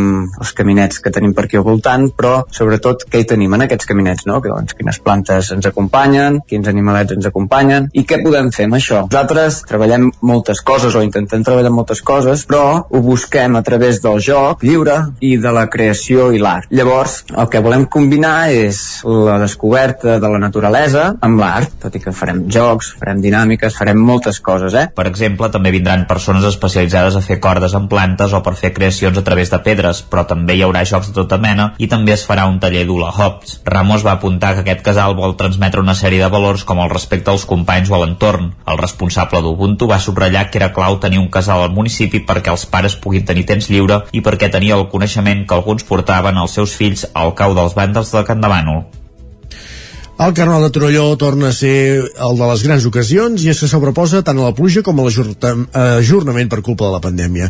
I pel que fa al Palmarès, els guanyadors absoluts han estat els Picats de Borgunyà, que ja s'havien endut la victòria en la darrera edició, la del 2020. Grillats i embaucats van completar el podi a la categoria A, mentre que els Troneres van guanyar a la B. Els Picats de Borgunyà han estat els guanyadors de la 44a Rua del Carnaval de Terra Endins, celebrada aquest dissabte a Torelló.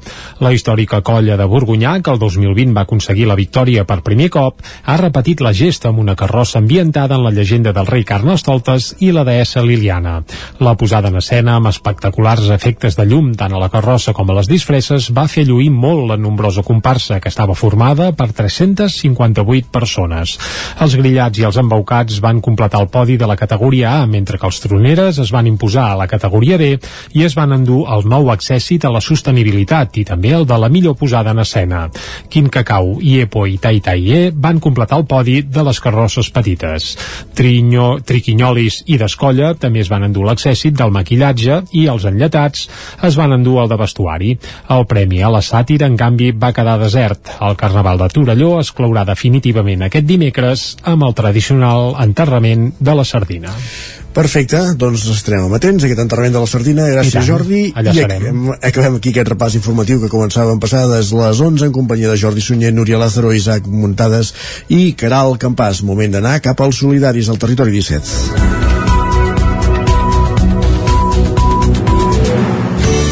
Territori 17. Envia'ns les teves notes de veu per WhatsApp al 646 079 023. 646 079 023. WhatsApp Territori 17.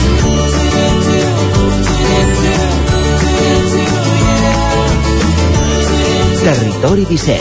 Som a Facebook, Twitter i Instagram amb l'usuari Territori 17. Passen dos minuts d'un quart de dotze. I els solidaris avui, l'Adrià Oliveres, des de Ràdio Vic, ens acosta una mica més, ens endinsa amb una entitat, en els Amics de la Gent Gran. Adrià, bon dia. Després de la Segona Guerra Mundial, un senyor anomenat Armand Marquisset va crear la fundació que avui coneixerem. Uns inicis força durs pels moments que la societat havia patit en aquella època, però amb ganes de revertir la situació. Els projectes, juntament amb el voluntariat, són el més important de la Fundació i avui sabrem el per què. Amb tot això, coneixerem els orígens de l'entitat, els dos projectes que realitzen i sabrem si la gent està conscienciada amb el que porten a la societat des de fa molts anys. Així que avui, sense demorar-nos molt més, des de Ràdio Vic i a través del Territori 17, parlarem amb la Fundació Amics de la Gent Gran, concretament amb la Marina Hortelano, responsable de la delegació del Gironès, Maresme i Osona. Amics de la Gent Gran va néixer a París després de la Segona Guerra Mundial. Per tant, porten més de 75 anys ajudant aquelles persones que més necessiten companyia. Escoltem com ens explica la Marina els orígens de l'entitat. Mira, els nostres orígens eh, remunten al 1946 a, a París, no? a través de l'associació Les Petites Frères de Paz, eh, El seu fundador, Armand eh, Marquisset, eh, es va donar compte que després de la Segona Guerra Mundial hi havia molta població afectada que va quedar viuda i sola i va tenir la necessitat de donar sortida a aquesta soledat que es havia que patia la població en aquells moments. La Marina ens ha explicat quines activitats duen a terme dintre el seu àmbit i també com és el dia a dia dintre la Fundació Amics de la Gent Gran. El nostre, les nostres activitats que fem bàsicament és un acompanyament emocional presencial a persones grans que, que tenen soledat no volguda, val? també fem eh, actes de socialització i també tenim un programa que es diu Trucades Amigues per, per cobrir aquesta soledat no volguda en persones grans però que no viuen en, en, en, en indrets on hi ha voluntaris que puguin fer l'acompanyament presencial. Llavors es fa a través d'aquest acompanyament, a través de trucades. La nostra entitat està eh, formada per voluntariat, un pes important del voluntariat, eh, i el que fem doncs, com a persones tècniques és fer aquesta coordinació dels voluntaris, fer una coordinació a nivell també de, de xarxa comunitària, ja que ens coordinem amb totes les entitats socials del territori, i, i també doncs, eh, el que té a veure amb, amb la gestió de les persones grans i, i el que l'envolta en, el seu, en el seu àmbit. Els projectes són una part fonamental per a la Fundació i per a les persones que tenen. El projecte més important és l'acompanyament social. Escoltem de la mà de la Marina Hortelano com es realitza aquest projecte. Bueno, el nostre projecte màxim és l'acompanyament presencial, emocional, per tenir cura eh, d'aquesta persona gran a nivell emocional, per pal·liar la seva soledat no desitjada. No? Al mateix temps, el que intentem és que aquesta persona um, gran pugui també entrar un altre cop, el que dic jo, al riu de la vida. Jo a vegades faig una, explico una metàfora que és la vida és com un riu, que anem baixant pel riu, i, i a vegades no sabem per què, ens quedem uh, aturats en un, en un afluent, ja sigui per, per temes físics, per temes emocionals, i ens quedem com una mica apartadets a la societat. Això fa que, que ens quedem sols i tinguem, doncs, eh, moltes eh, conseqüències emocionals desagradables que, que comporta la soledat. El que fem amb aquest acompanyament eh, emocional, intentem, a part de fer el, el tu a tu a casa, aquestes dues horetes setmanals, intentem que la persona voluntària torni a, a, a reconduir la persona gran cap, a, cap, al, cap al riu, cap al riu, al, al, al, al flux del riu de la vida, no? ja sigui eh, acompanyant-la un dia que s'integri en, un, en un centre cívic, portant-la algun dia potser que aquesta persona gran també pot aportar algun punt eh, de voluntariat, eh, portar-la a alguna exposició, ja et dic, tornar-la a introduir una mica al riu de la vida perquè pugui tornar-se a socialitzar dintre de, de les seves necessitats i les seves característiques de, de l'edat, està clar. Un altre projecte amb el que estan treballant i agafa força en aquest 2022 rep el nom de Reescrivim la Bellesa. D'aquesta manera ens explica la Marina Hortelano. Nosaltres el que també fem són eh, tasques de socialització eh, envers la societat, no? Per exemple, eh, l'última campanya que estem, que estem treballant és el Reescrivim la bellesa, per, per donar a explicar a la, a la societat, a les persones, mm, que hi ha una visió esbiaixada de la bellesa, eh, per, lluitant també per trencar estereotips de la bellesa, eh, perquè donar valor a, a la bellesa en si, no?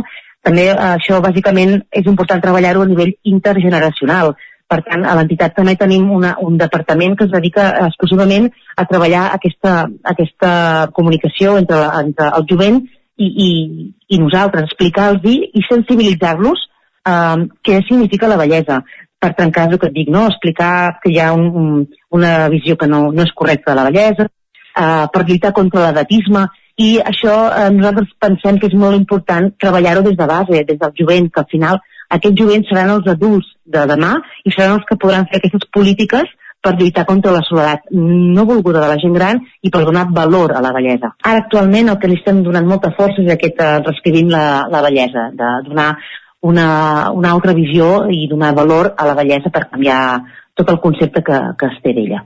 També hem volgut saber si després de tants anys en funcionament la gent estava conscienciada amb l'acció social que feien. Això ens ha dit la Marina Hortelano sobre la consciència de la gent.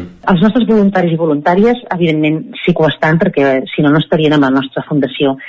Però també pensem que cal molta conscienciació de, de, de la tasca social, de poder fer voluntariat, de poder aportar a la societat coses que nosaltres eh, no ens costen un esforç, però per la persona rep és un, un, una gran ajuda en aquest sentit. Cal dir que mm, arrel de la pandèmia eh, molta societat s'ha sensibilitzat amb el tema, però necessitem més voluntaris i voluntàries per poder atendre a persones grans.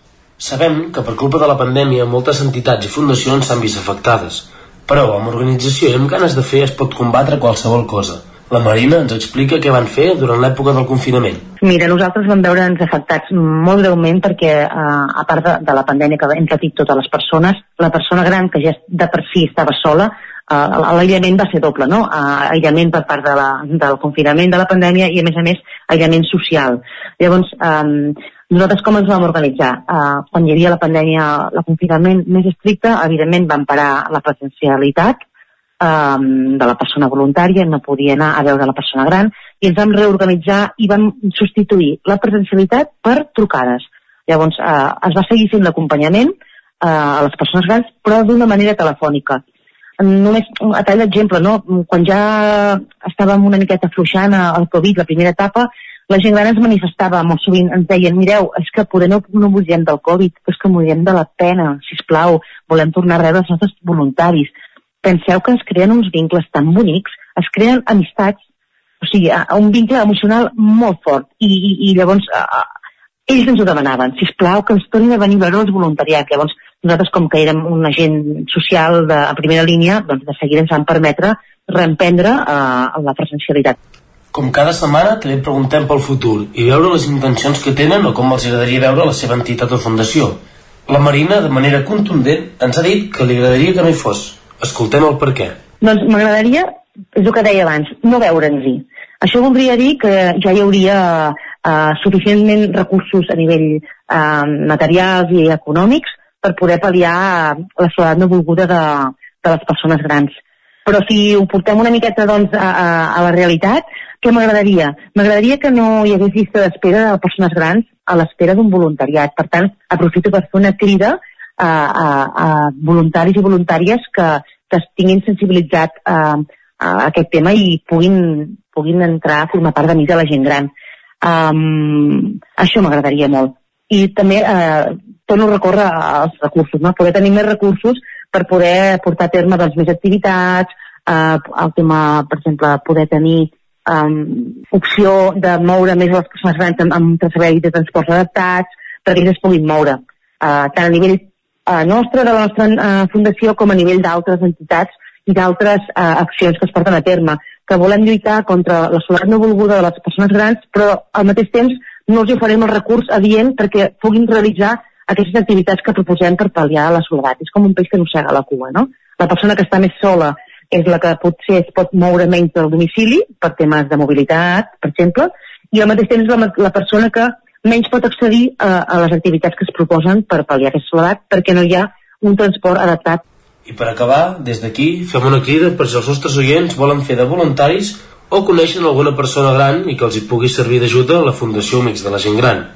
El número de contacte és el 93 20 76 77 3.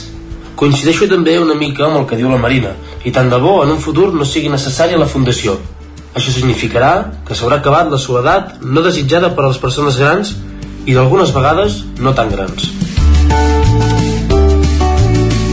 Doncs amb aquest missatge en positiu acabem aquests solidaris d'avui. Gràcies, Adrià, una setmana més des de Ràdio Vic.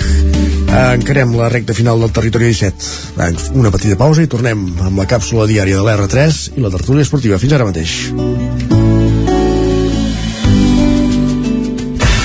El nou FM, la ràdio de casa, al 92.8. Del 8 al 10 d'abril torna al Mercat del Ram de Vic amb més il·lusió que mai. Hi trobaràs un munt de propostes familiars i professionals, com el primer congrés Vic dedicat a la bioeconomia, els espais terra i cuina i la casa de pagès, o la mostra de productes artesans. Consulta la programació a vicfires.cat o xarxes socials i descarrega't l'app per no perdre't cap novetat.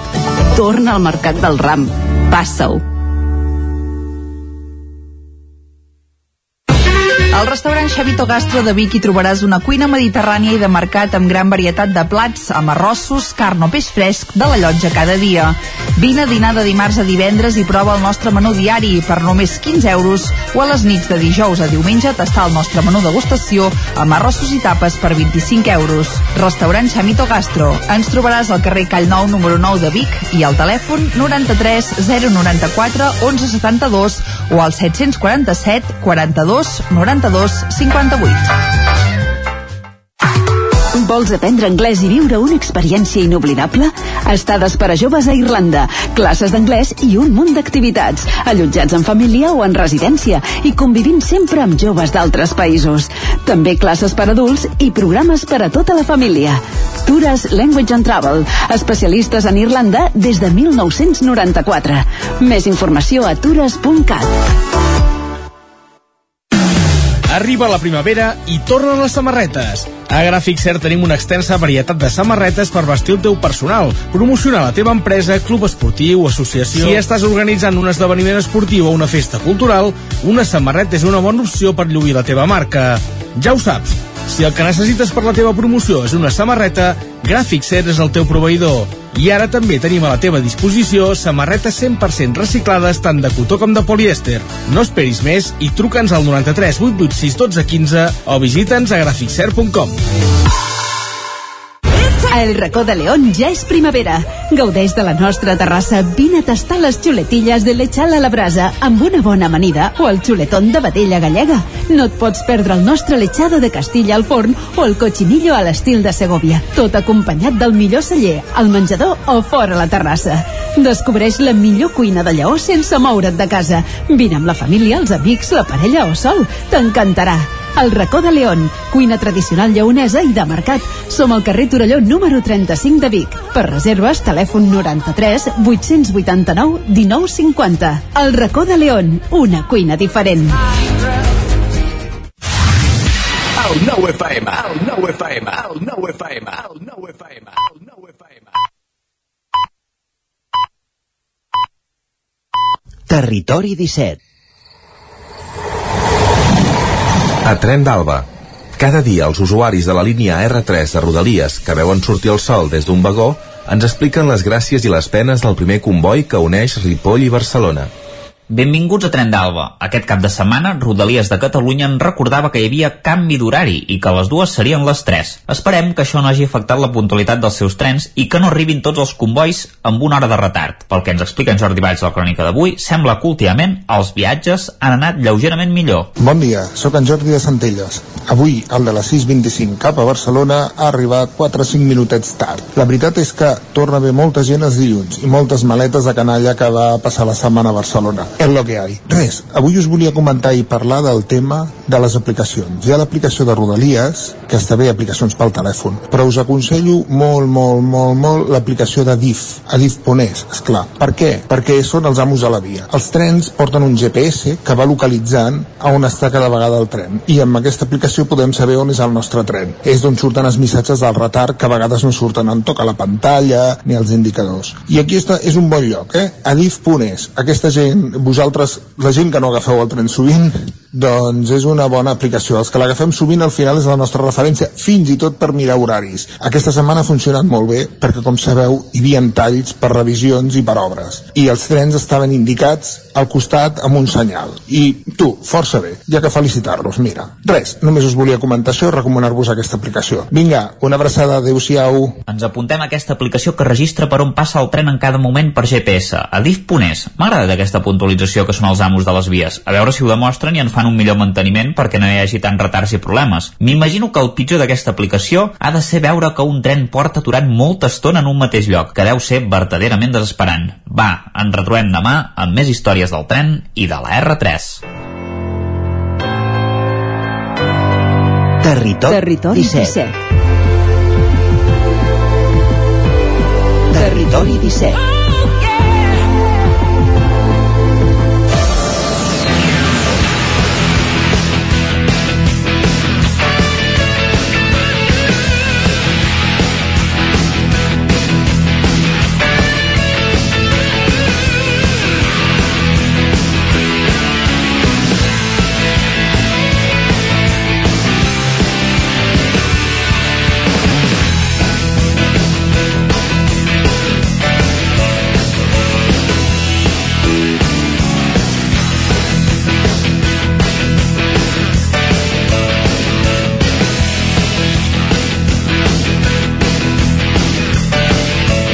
3 minuts que passen de dos quarts de 12, recta final del territori 17 d'avui dilluns, 28 de març del 2022 i entrem a la tertúlia esportiva avui en companyia de Lluís de Planell, benvingut, bon dia. Bon dia. Guillem Sánchez, benvingut de nou, bon dia. Bon dia. L'Agustí Danés, que està a punt d'entrar a l'estudi i avui sense l'Isaac Muntades, que per motius laborals no, per motius professionals no podia ser a dos llocs alhora i no podia ser, per tant, avui a la, a la ràdio a l'hora de la tertúlia. Home, això del, el del Madrid eh, ho fan tot, no? Vull dir, ser a dos llocs alhora també. Ah, Florentino ho permet tot, tens raó això. Uh, no hi ha hagut lliga aquest cap de setmana però tenim moltes coses per tocar uh, podem dir ja parlar d'aquesta recta final de la lliga en muntades ens diria clar que el Madrid ja la té catifa vermella, que ja la té guanyada i que falta saber com, com quedarà per, per darrere tota aquesta, aquesta lliga del, 20 del 21-22 eh, en què va començar com va començar pel Barça que sembla que va prenent el rumb però que en fi, encara falten coses per, per decidir per passar. Guillem, com ho estàs veient tot plegat? Home, jo estic molt esperançat que aquest diumenge tenim el Barça-Sevilla, no? si no vaig eh, errat. Eh, ja ens posarem segons, ja anirà tot eh, cap a dalt i confirmarem aquesta segona posició. Jo la primera la veig eh, inassumible, eh? s'ha de ser... s'ha de ser Descartada del tot, ja? Eh?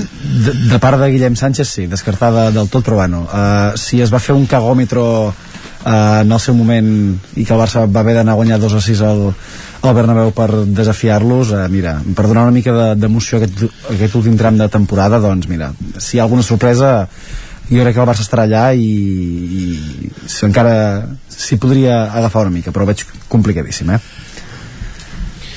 Sí, jo també, però crec que l'entrenador, eh, en Xavi, és molt llest i perquè a més d'entrenador és, eh, és psicòleg o crec que exerceix de psicòleg i després sap que que el que necessita és sobretot treure pressió a l'equip perquè l'objectiu tal com el va agafar que era situar-se en la zona de Champions això ja ho ha aconseguit, la victòria de mèrit al camp del Madrid ja ho ha aconseguit i, i després es tracta de dir uh, una mica el que comentes no? de dir que la Lliga és inassumible però sempre amb aquella mirada estràbica de dir un ull un ull a dir és, és impossible però l'altre ull sempre la classificació i el que passi aquest cap de setmana segur que, que marcarà les possibilitats, si és que, que encara n'hi ha alguna, que tingui el Barça, però l'entrenador no ho dirà mai, això, perquè eh, el que s'ha de dir és donar per fet que la Lliga l'ha guanyat el Madrid i en tot cas eh, esperar si es donen les circumstàncies. Clar,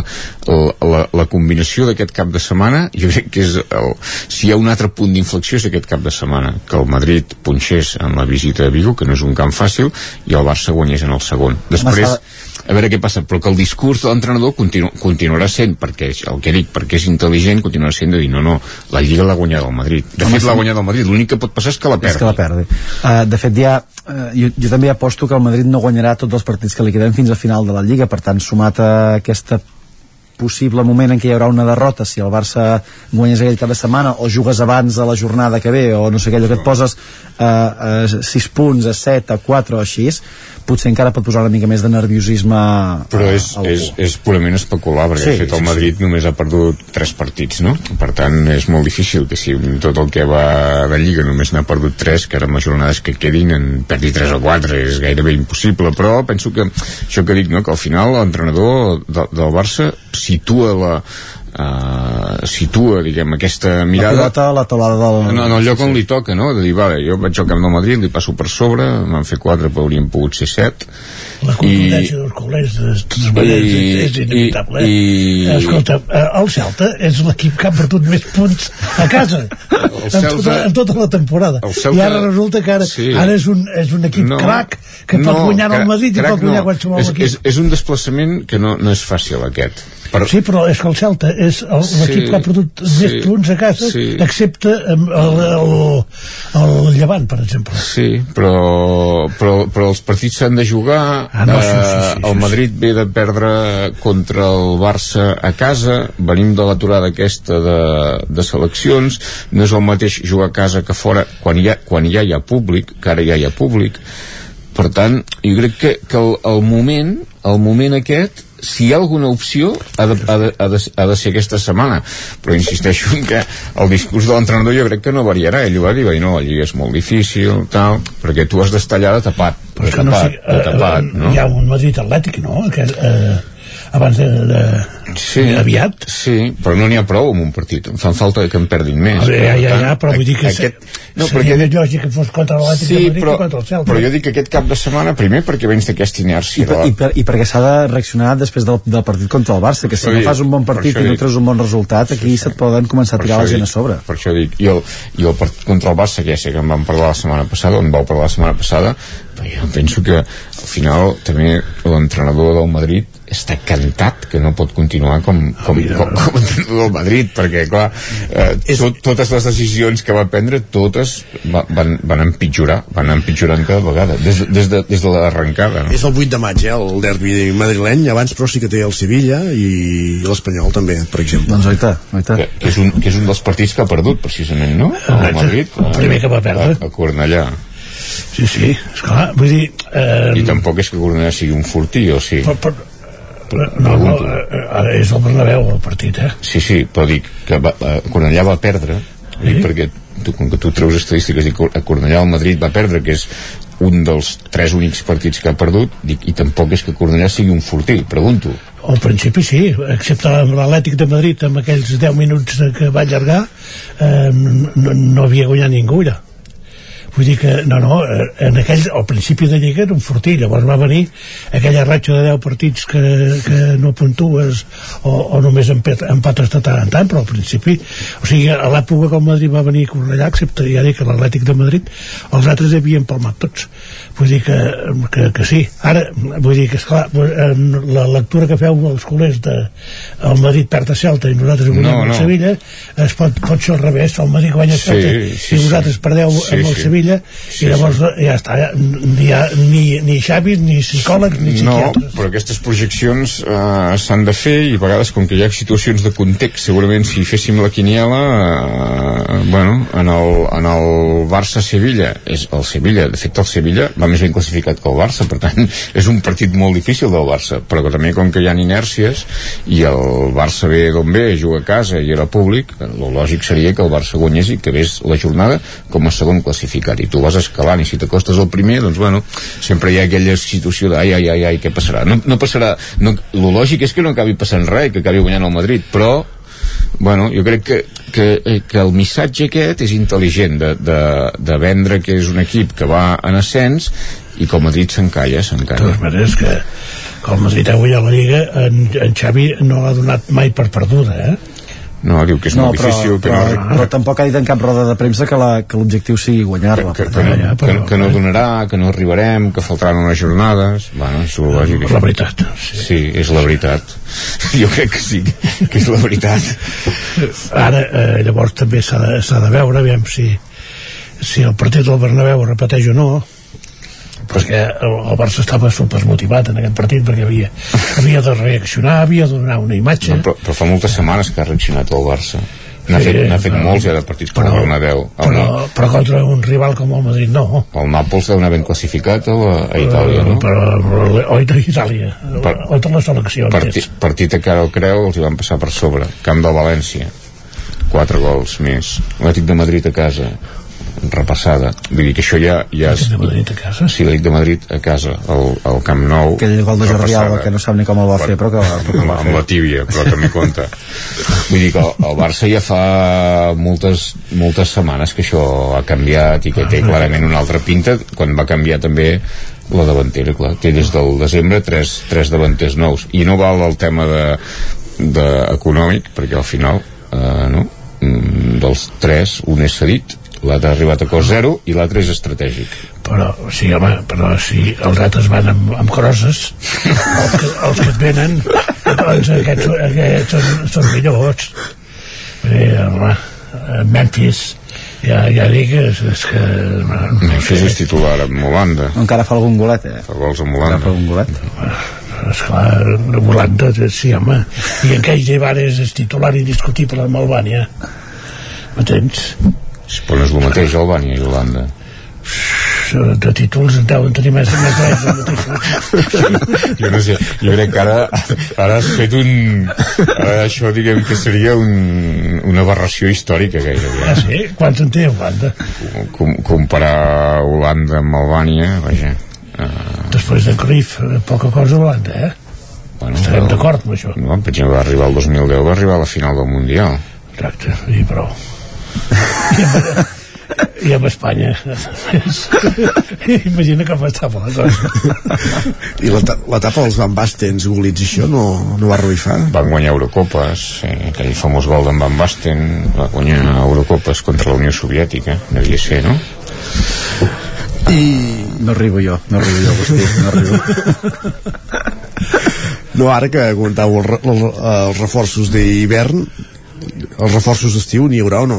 Eh, I el que sembla que la porta ja s'ha donat per vençut amb el tema Haaland, no?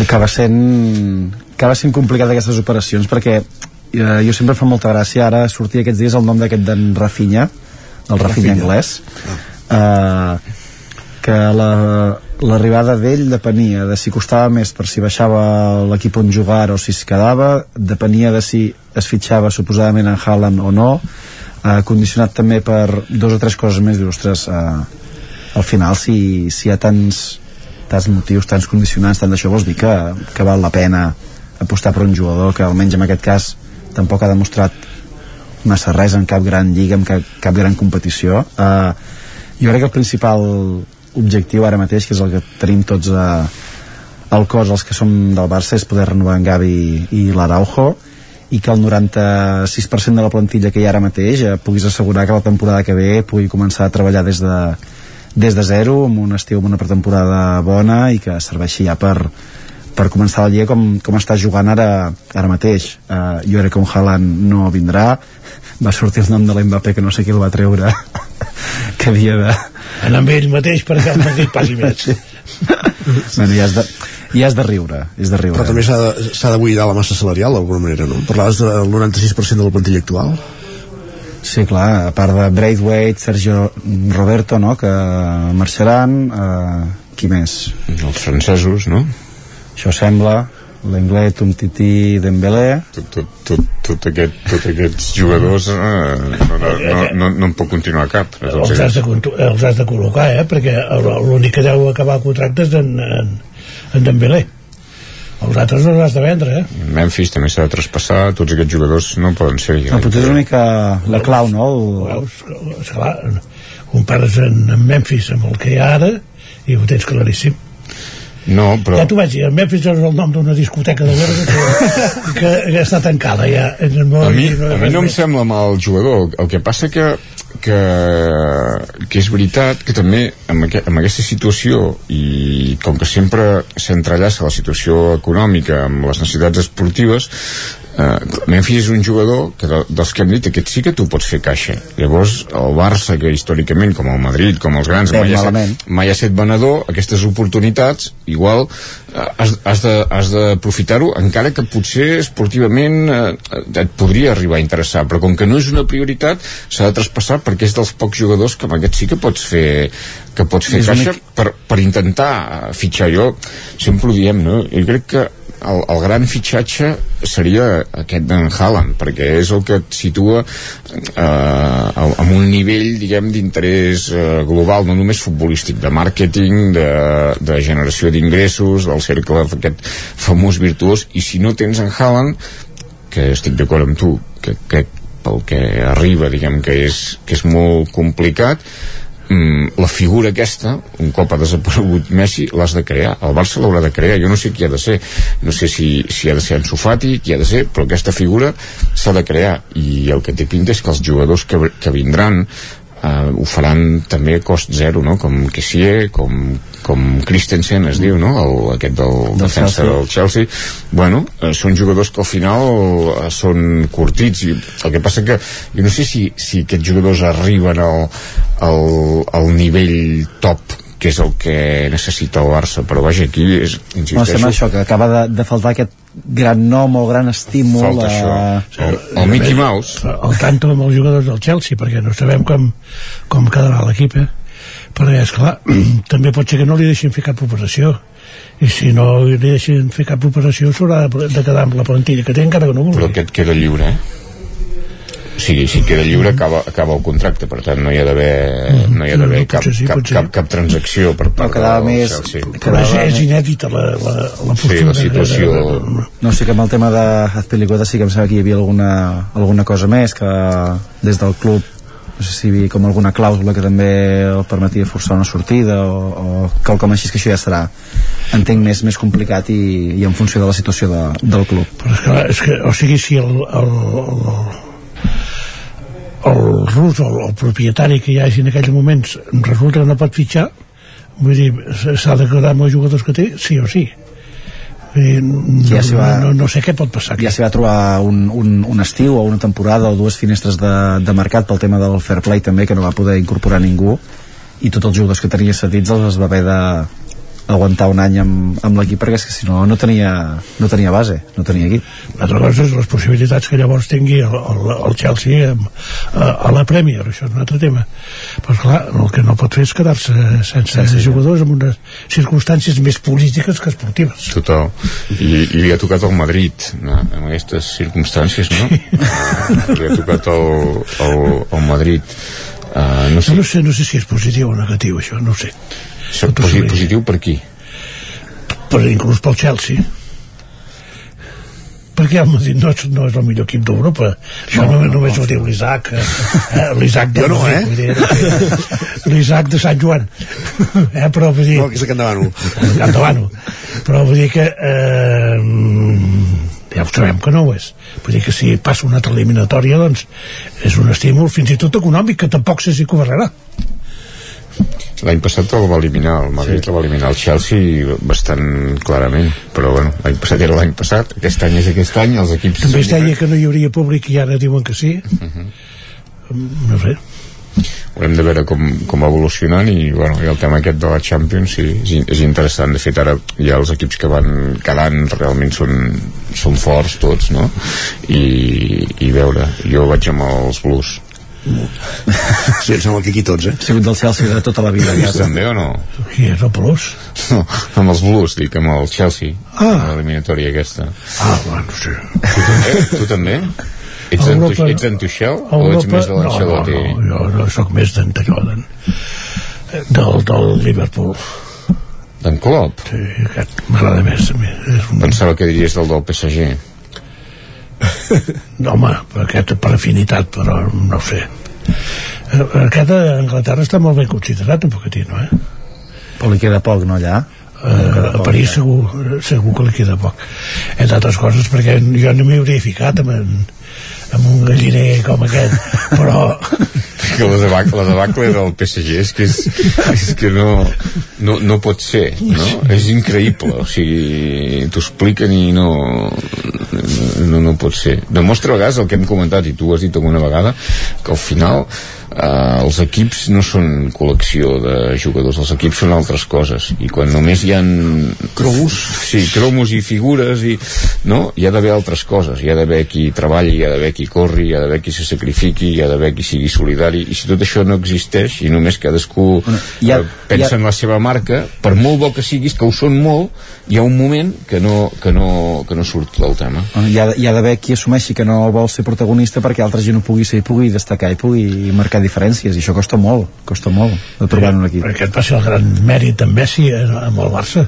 que era la referència, vull dir, no dubtava ningú d'això i esclar, el París eh, no sé qui dubta qui, d'aquí No ho sabem, depèn de la setmana és un, depèn de la setmana és un altre allà. No, l'Mbappé és boníssim, és que jo trobo, és un jugador és, o sigui, més desequilibrant que aquest ara mateix és que no n'hi ha cap, vull dir, no? Aquest és un jugador que, que també podem molt superitat també una explosió física que, que, sí, que sí. això no és sostenible però esclar, és molt jove vull dir que, que Queda molt camí encara. sí, aquest jugador aquest és el millor del món ara Sí, sí. Ara, eh, per velocitat, eh, no sé si us recordeu aquell partit, penso que era final de la Copa del Rei o semifinal el, amb el Barça i el Madrid, final, que al final de en València. Bale eh, va, Sí, sí, va sí. agafant En en Bartra, i sí, en, sí. en, en mig camp li va deixar, li va deixar 150 metres Un Bale que està lesionat quan està al Madrid i juga amb la selecció, això encara és... Però dir això. que- No, no només juga, fa gols.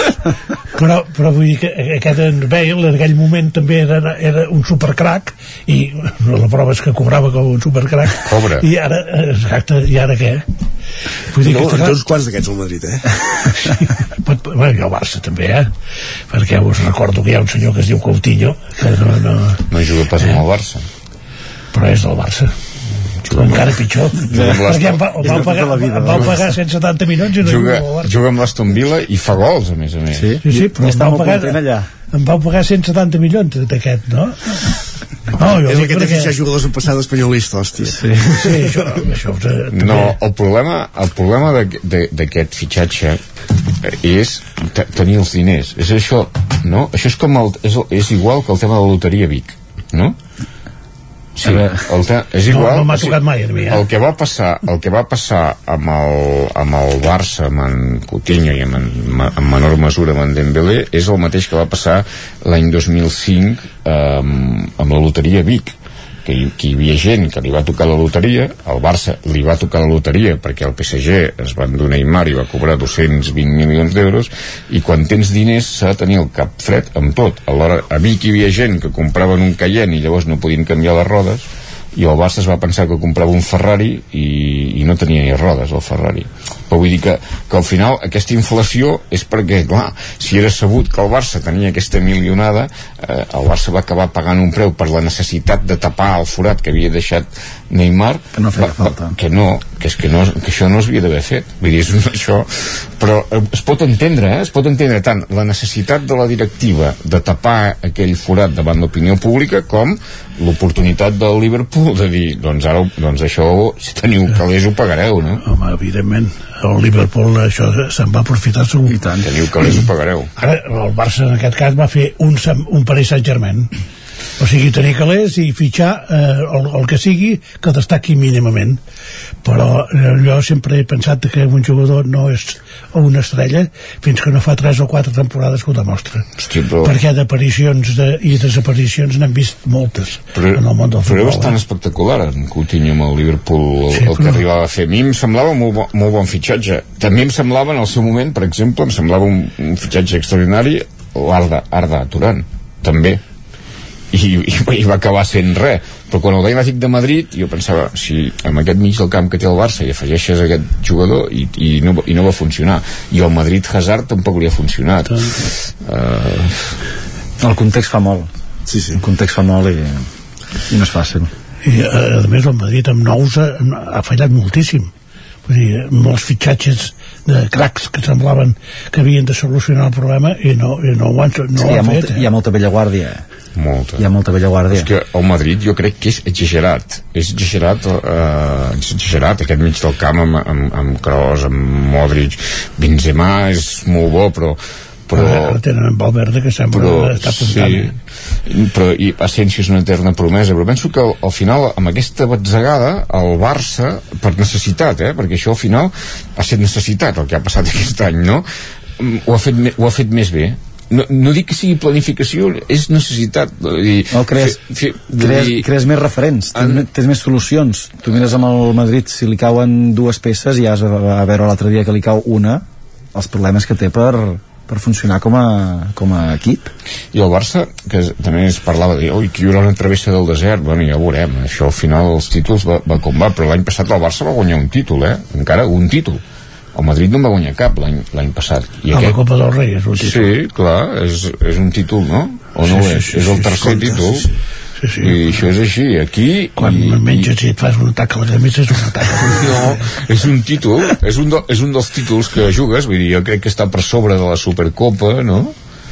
I, i clarament és el tercer títol o sigui, aquí hi ha la Champions, la Lliga i la Copa del Rei aquests, o sigui, les, el, el, el prestigi te'l te jugues aquí clar, si només guanyes copes, com havia passat en el Barça durant anys, doncs ets poqueta cosa ara, si guanyes lligues, com ha guanyat el Barça a punta pala, n'ha guanyat a punta pala els els últims últims anys eh? Sí, sí, sí, n'ha No, guanyat. Sí, sí, sí, sí. N'ha guanyat moltes.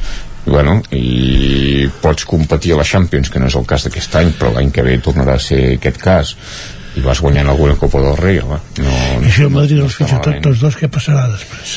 Home, un, un PSG eh, Sí, bueno, llavors s'haurà de veure qui és el que els dirigeix i, i què és el que aconsegueix com a, com a entrenador, perquè tampoc serà fàcil fer-lo jugar o fer jugar aquests dos i el Benzema o fer jugar aquests dos el Benzema i el Vinícius, perquè clar... Jo crec que més el Haaland i Benzema és més problemàtic, però clar, l'altra és banda, vull dir que no, no Però ho ha de defensar també, ho ha de, de fer altres coses. No, clar, seria jo crec que una molt bona notícia pel Madrid i molt mala notícia per tots els altres. doncs amb aquest pronòstic esperem que no es compleixi i acabem la tertúlia d'avui gràcies a tots tres, Lluís de Planell, Agustí Danés Guillem Sánchez, bon dia Bon dia.